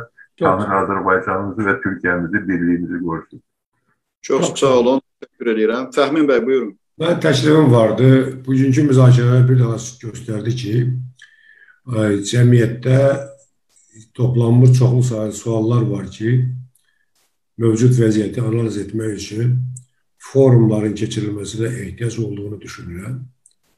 Və məncə təklif olaraq mən verirəm ki, yəni Müsavat Partiyasının və yaxud da Milli Düşüncə Mərkəzinin rəhbərliyində vaxtaşırı belə forumların keçirilməsinə ehtiyac olduğunu düşünürəm foruma daha çox partiyaların cəlb olunması, yəni həqiqi müxalifət partiyalarının cəlb olunması, ictimai fikir adamlarının cəlb olunması və cəsarəti çatan ziyanların cəlb olunmasını arzu edərdim.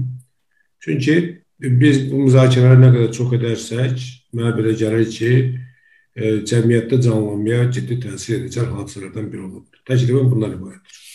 Çox sağ olun Fəhmin bəy. Təxminən 2 saatdır ki, bizim dərin masamız davam edir və məlumat üçün deyim ki, dərin masamız Azad TV internet kanalı vasitəsilə canlı yayımlanır. Eyni zamanda Musavat Partiyası Facebook səhifəsi vasitəsilə yayımlanır və xeyli izləyiciləri var. Bu gün doğrudan da çox maraqlı müzakirələr oldu və bunu biz 18 oktyabr müstəqilliyimizin bərpası günü ilə əlaqədar bir dinləmələr kimi də dəyərləndirə bilərik. Bilirsiniz ki, Azərbaycan Milli Məclisinin də belə bir qərarı var idi ki, güya 18 oktyabr günü ilə bağlı dinləmələr olacaq. Ancaq orada əsasən müzakirə olunan məsələlər 18 oktyabrın mahiyyətini e, azaltmaq üçün 18 oktyabrdan müstəqillik gününün sözünün 28 maydan isə Respublika gününün sözünün götürülməsindən ibarət oldu. Azərbaycan hakimiyyəti təbii ki, 18 oktyabra xüsusilə qısqanclıqla yanaşır. Çünki bu gün Azərbaycan hakimiyyətinə oponent olan qüvvələr İlham Əliyevin tez-tez təkrarlamağa xoşladığı kimi AXC Musavat kütlüyündə təmsil olunan, bu gün e, bu rejimə qarşı oponentlik edən qüvvələrin e, adı ilə bağlı olan bir e, hadisədir 18 oktyabr hadisəsi. Ancaq burada hakimiyyətin 18 oktyabrı aşağılamaq istiqamətindəki siyasəti təkcə bizə qarşı yönəlmir. Nəticə etibarilə Azərbaycan xalqının azadlıq uğrunda mübarizəsinə kölgə salınır. 20 yanvar şəhidlərinin mübarizəsinə kölgə salınır. Çünki Azərbaycanın istiqlalı uğrunda gedən mübarizənin ən mühüm məsələlərindən biri məhz 20 yanvar şəhidlərinin olmasıdır. Təsadüfi deyil ki, məhz 20 yanvar hadisəsindən sonra artıq SSR-nin dağılmasının qaçılmaz olduğu hər kəsə bəlli oldu. Yəni söhbət təkcə Azərbaycandan yox, bütövlükdə Sovet imperiyasından gedir. Hələ o vaxt xatırlayırsınızsa, Moskva televiziyaları da bu barədə fikirlər səsləndirirdilər. Bir məşhur Tixamirov e, soyadlı jurnalistin bir 7 gün Semdiney verilişi vardı və 20 yanvardan sonra onun ilk e, deməli hazırladığı bu o dövr üçün çox populyar olan, milyonlarla adamın izlədiyi bu verilişdə o bu fikirləri səsləndirdi ki, 20 yanvar hadisəsindən sonra SSR-ni saxlamaq artıq mümkün olmayacaq. Və bu təkcə müasir dövrdə mübarizə aparmış insanların yox, o cümlədən mənim giriş sözündə dediyim e, məsələnin üzərinə qayıtsaq, 28 aprel işğal günündən sonra və bütün Sovet dövründə bütün repressiyalardan keçməklərinə baxmayaraq, Azərbaycandan didərgin düşmələrindən baxmayaraq istiqlal məfkurəsini qoruyub saxlamış və Azərbaycanın istiqlalı, azadlığı, müstəqilliyi uğrunda mübarizə aparan hər kəsin e, xatirəsinə hörmətsizlik, əməyinə hörmətsizlikdir. Ancaq bununla belə biz əminik ki, 18 oktyabr Azərbaycanın müstəqilliyinin bərpası günü bir tarixi hadisə kimi Azərbaycan xalqının yaddaşından heç vaxt çıxmayacaq. Konkret olaraq Müsaad Partiyası olaraq biz bunun üçün çalışırıq. Bununla bağlı sabah da bir tədbirimiz var.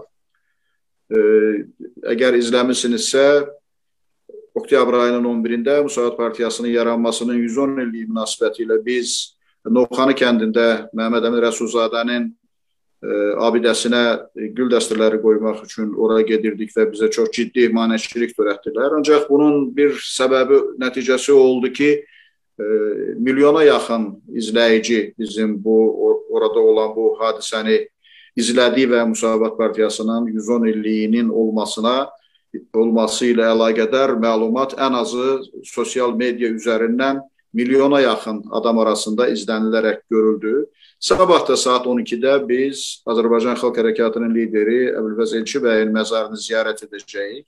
Bu bir ənənədir. Yəni biz bütün dövrlərdə oktyabr ayının 18-də hökmən Əlfəz Elçi bəyin məzarını ziyarət edirik. Orada bir toplantı keçiririk, orada çıxışlar edirik.